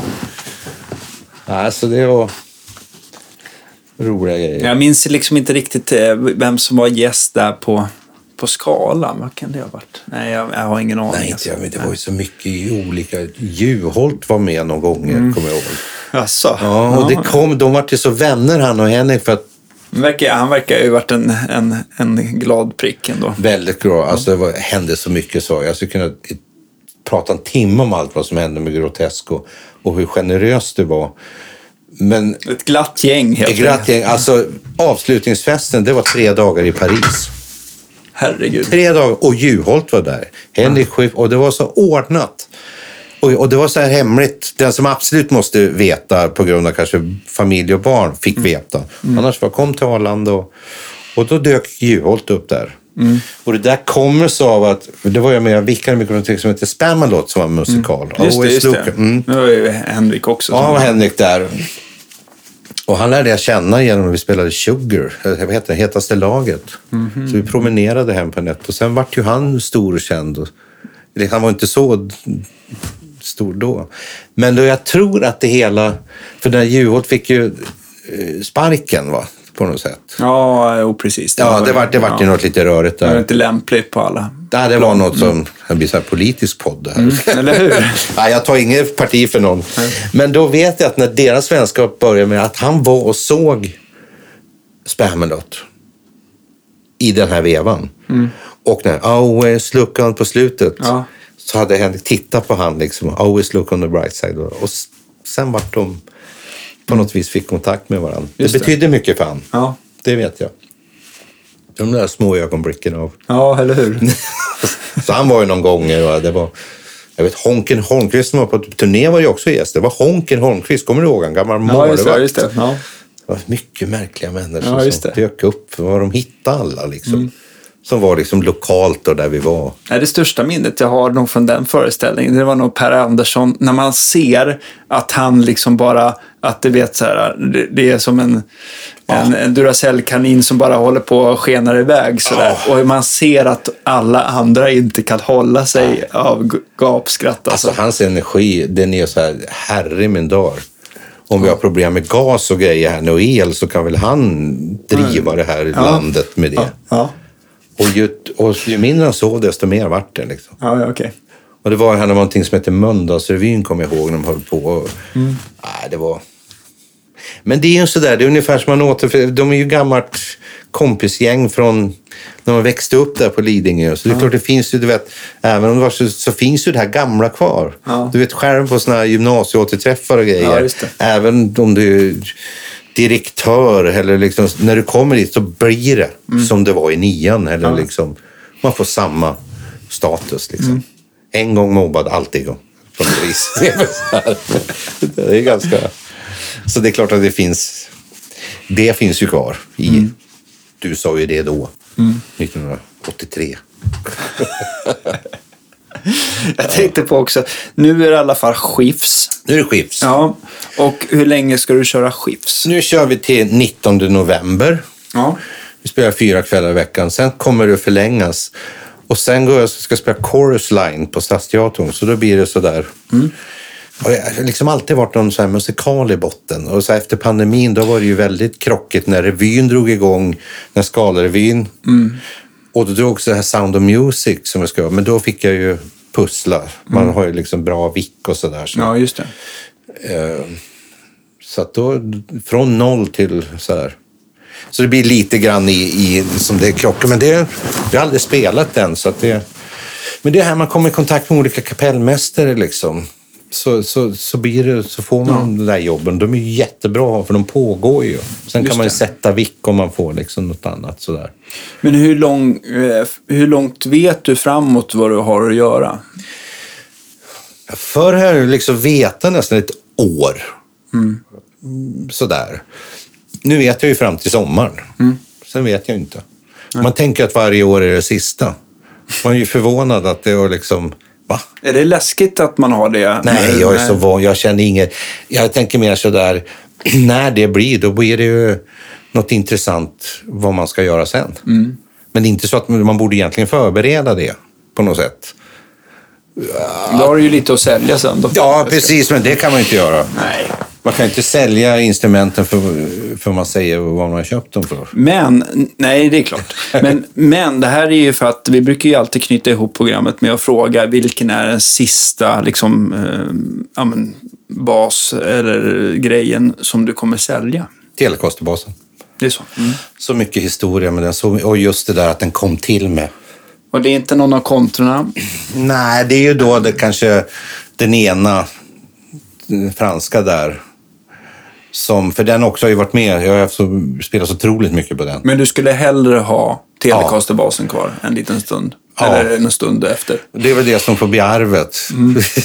jo, jag, jo, för den är... Jag tror nog om jag måste välja så är det det faktiskt. För det, just, det gör ju någonting där att man har behållit den. För det var ju en period där den absolut inte var populär. Men den kommer fram. Det var så här Nej, de självklart är- också när jag skulle... När jag fick det där med Uggla det liksom. Det var så här, Telecasterbasen. Ja. Och det var ju så att... Och Plectum... Skitsnygg och nej, det låter fantastiskt. Ganska Den där. tung är det. Alltså, Ja, men den är efter- ganska fyllig och... Ja, jag tycker den är helt- Rejäl hals och... Ja. Men grejen efter det, för då hade jag ju liksom, du vet, det har ju varit mycket kontrastråk och hållit på. Och då, jag var ju så jäkla övertänd. Jag är ju gammal så här punkare från början. Alltså du vet, Ja. det där. Så att, Och har väl kanske mer sett som kanske kontrabas, lite sådär. Så att den där ådran. Aj, jag spelade så jag fick ju, jag pajade ju min arm. För jag hade för jag skulle bara spela downstrokes liksom. Och körde, du vet, också länge sådär. Det var ju också kontrabas där också. Vet jag höll på till slut så kunde jag inte Ah. och det är ganska tung den där eh, Telecaster-basen också. Men nej, det, jag skulle bara köra. Men ibland fick jag ju liksom... Men det där är ju också lite grann, jag känner bara för egen del just eh, när man spelar rock'n'roll. Alltså om man inte spelar på ett tag, för man sitter ju inte hemma och wackar hela, Nej, hela nej. dagarna. Och sen Så ska man komma in i en tresetare igen. Fan, det, är- det hände. Jag fick kramp någon gång. I, ja, man kanske spänner sig lite mer. Så jag tänker, det kan jag ju känna ibland när jag gått ett och hoppat in just med Jan på Joy. För det är ju så intensivt och så länge. Och, eh, långa, ju långa, långa och så har jag ju nästan liksom... Någon gång har jag spelat elbas med dem. Jag tänker nej, jag ska vara kontra där. Faktiskt. det är liksom, ja, det är det som har skilt dem lite och framförallt också närmare och sådär. De är ju super, jag förstår det, andra vägar. Men då vet jag någon gång, det, jag brukar aldrig få blåsa eller sådär, men då vet jag någon gång på som, när det gått ett tag, de där tre sättarna, att ah, då var det kramp ibland. Just det. Sådär. Och då var jag ändå relativt vältränad inom det. Mm, det. Men som du säger, när det gått ett tag, jag vet några gånger till slut att åh, alltså det är så att jag kunde inte röra. Så ska det vara kanske någon bas och det gick inte. Nej. Och jag har ganska hög stränghöjd på mina kontrabaser också för att få soundet. Just det. Så att det blir ju... Eh, ja, jag har ju varit det för att få det träigare. Okej. Ja, jag det- aldrig, liksom, framförallt se att jag aldrig behövt... Det var ju mer, man hade ju lägre förut när man höll på och tragglade med Donna Lee och sånt där och vart aldrig klar med det. Men nu är man ju mer inne på... Man kan, det funkar ju ändå att gå upp så här tumläge, men jag tycker det blir bättre. Sam- Samma sak på elbasar också. Tjockat sådär. Beroende på vad man gör. Just det, men så du, men du, det blir väl aldrig svårt att eh, gå över till elbas om du, om du är van vid relativt hög nej. med kontra? Det, det går ju fritt emellan Ja, liksom. ja. Så det är absolut. Men det... Ibland har jag tänkt att fan, ska man sänka? Nej, jag ska kämpa på. Det är den enda träning jag får. Mm. Så jag matar på. Har du någonting som du vill höver så här, eh, avslutningsvis då? Som du liksom, det här har jag ju gått och suktat efter längre tid. Instrument, Ja, precis. Nej, jag tycker att jag har bra bas. Men däremot har jag, på tal om försäljning, så har jag en SG-bas som jag inte behöver. Så är det någon som behöver en SG-bas. SG Vad är det för SG-bas? 67, alltså en EB01. Ah, okej. Så, eh, sådär. De har ju också ett speciellt sound. De har väldigt, och det är det ibland har jag använt den också. Det blir alltid sådär när jag bestämt, nej men, för jag har så otroligt mycket basar liksom. Eller ja, det finns ju något så mycket mer. Nej, jag ska sälja Gibson-basen. För det är liksom... För den är också, ibland har jag haft en så här, landställe där ute i Roslagen, haft den där för om man ska öva, men det, nej, det blir inte rätt. Man måste ju känna in. Och varje gång jag bestämt mig för att göra det så har jag använt det vid någon, och någon har bett mig lägga bas med någonting och så har jag använt det och sagt, ah, fan vilket bra. Och då börjar jag känna, ah, men den låter speciellt. Jag får inte röra den där, jag måste försöka sälja den. Men då tänker jag, jag måste köpa något annat, så jag, jag vet inte vad. Okej, det visar sig. Ja, nej, så jag, har, jag är ganska nöjd. Det gäller att hålla dem komma hit så att de får lite uh, vård bara. Men det är ju rätt stor skillnad just om man får lite vård på dem. Då kan ju, det är många... Nu tycker jag i och för sig att dina baser ändå är i, i bra skick, men ibland så... Det var någon kund häromdagen som kom in med en bas. Bara, det, det skallrar om när jag spelar på den. Aha. Och så var det all, alla mekaniker, du vet vred, satt lösa. Aha, ja, då kan du ju skallra lite. Ja. Ja, men jag tyckte ändå det små var grejer, skillnad. alltså det var små grejer, det hade inte så mycket med justering att göra. Den var ju lite feljusterad också, men det var verkligen så här, ja, folk väntar ganska länge med att lämna in sina Ja, och jag instrument. försöker att göra men sen vissa använder de inte på ett tag. Men jag tyckte det var en stor skillnad på den här p-basen. Jag vet inte vad du gjorde, men det var, inte, det var ju framförallt det här skrapet då. Men ändå så kände jag liksom, gjorde Men sen, jo precis, men sen så är det väl Sen så är det, nu blir det ju några instrument om dagen så att det är svårt att minnas Ja, allt. men man går ju ändå så här på någon slags på någon slags, så här brukar folk eh, vilja att det ska vara, eller inklusive jag själv. Och sen Ja. så får man väl rätta till, så, köra lite detaljjustering när du hämtar ut då. Ja, ja, den vart surt. Det var någonting vart i alla fall som var bara så yes, nu är den tillbaka. För den har, Kul. Var ett tag den var lite krånglig så här, men det, ja, nu är den så här. Nu Nu, nu, nu funkar Nu funkar det nu funkar det några veckor till. Ja, det funkar. Den ska hålla några veckor till. Ja. Så vad ska jag ha för bas nu i nästa version? Jag funderar Tänk lite om man skulle på... justera instrument på det sättet, att de bara ska vara bra ett par dagar. Nej, det är klart att det Ja, men de håller. Hur länge ska du spela nu? Ja, sex veckor här. Ja, bra. Sen tillbaka sådär. Okej. Mm. Men jag, jag kan tycka det är intressant ibland bara för att förändra sig själv och roligt. Som jag pratade med jazzbasen som har som inte använt så mycket. Jag, man brukar ha en del en sån här man kom på massa artister och det kan vara ouvertyr och grejer någon Ja. gång. Så. Men den var ju micken paj på, det märkte jag.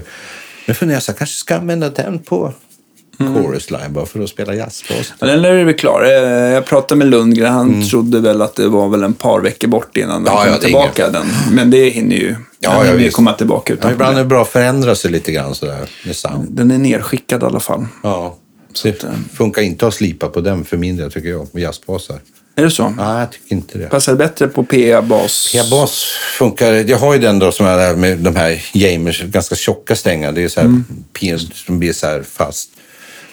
Nej, jag vet inte. Jag hade det varit någonting. Just det, men det var lite så här intoneringsproblem med dem också. Att man var ju tvungen, Ja. Jag var ju tvungen att korta fjädern för att den strängen var, sadeln var tvungen att komma bak Ja, så för det var ju, det var ju som ett en halvton upp där uppe. Ja, så det blir verkligen så här, när det är en så, så tjock och, och eh, hård sträng så, så flyttas oftast eh, Ja. intoneringspunkten bakåt. Då. Men det låter ju, jag tycker det låter fantastiskt och det känns inte dammigt eller på någonting.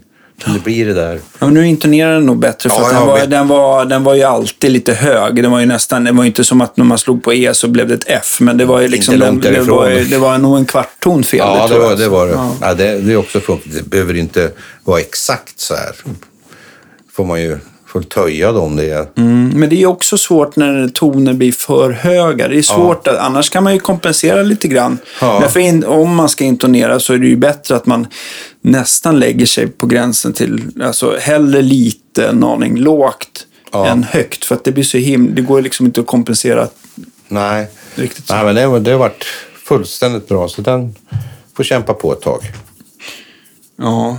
Nu vet jag att du har pratat om det här i en annan podd, att man kan ju liksom stämma, man har ju väl, att man kan stämma eh, den tjocka E-strängen löst någon par cent ner bara för att det ska funka bättre med ett piano. Och sen Ja. så kan man, då kan man ju intonera intoneringspunkten eh, Ja, så. lite, så att man sträcker oktaven där lite grann. Men, ja. Det är inget Nej. som man håller, det funkar ju här liksom. Det är ju det stora hela med blås och allting. Så. Ens. Men däremot om man kan slå, när man spelar kontrabas så kommer jag jag spelar en orkester som kommer att det är 442 plötsligt. Det är ju Mhm. ofta mycket om det är lite mer så här klassiskt. ja, just det. De vill ha det. Ja, Ja. de vill ha Man 444. tänker så här, två cent. Finns det 440 vanliga va? Fyra- Ja, men det har mycket att göra med liksom, om det är flöjter och grejer och sådär. Mm, okej. Ingenting man vet, men man, kan, man har hållit på så mycket med det så märker man, man märker ju också att oj, är det 442? För man har ju sina lägen och grepp. Och så Men det är lite med muskelminne sådär. Ja, liksom. lite så. För det är ju liksom en teknik sådär. Då kan man... Och så ska man... åh, och så är det strax innan en inspelning som man stämmer. Då får man ju liksom... Men de brukar hålla sig om inte för länge. Så. Just det. så det... Ja.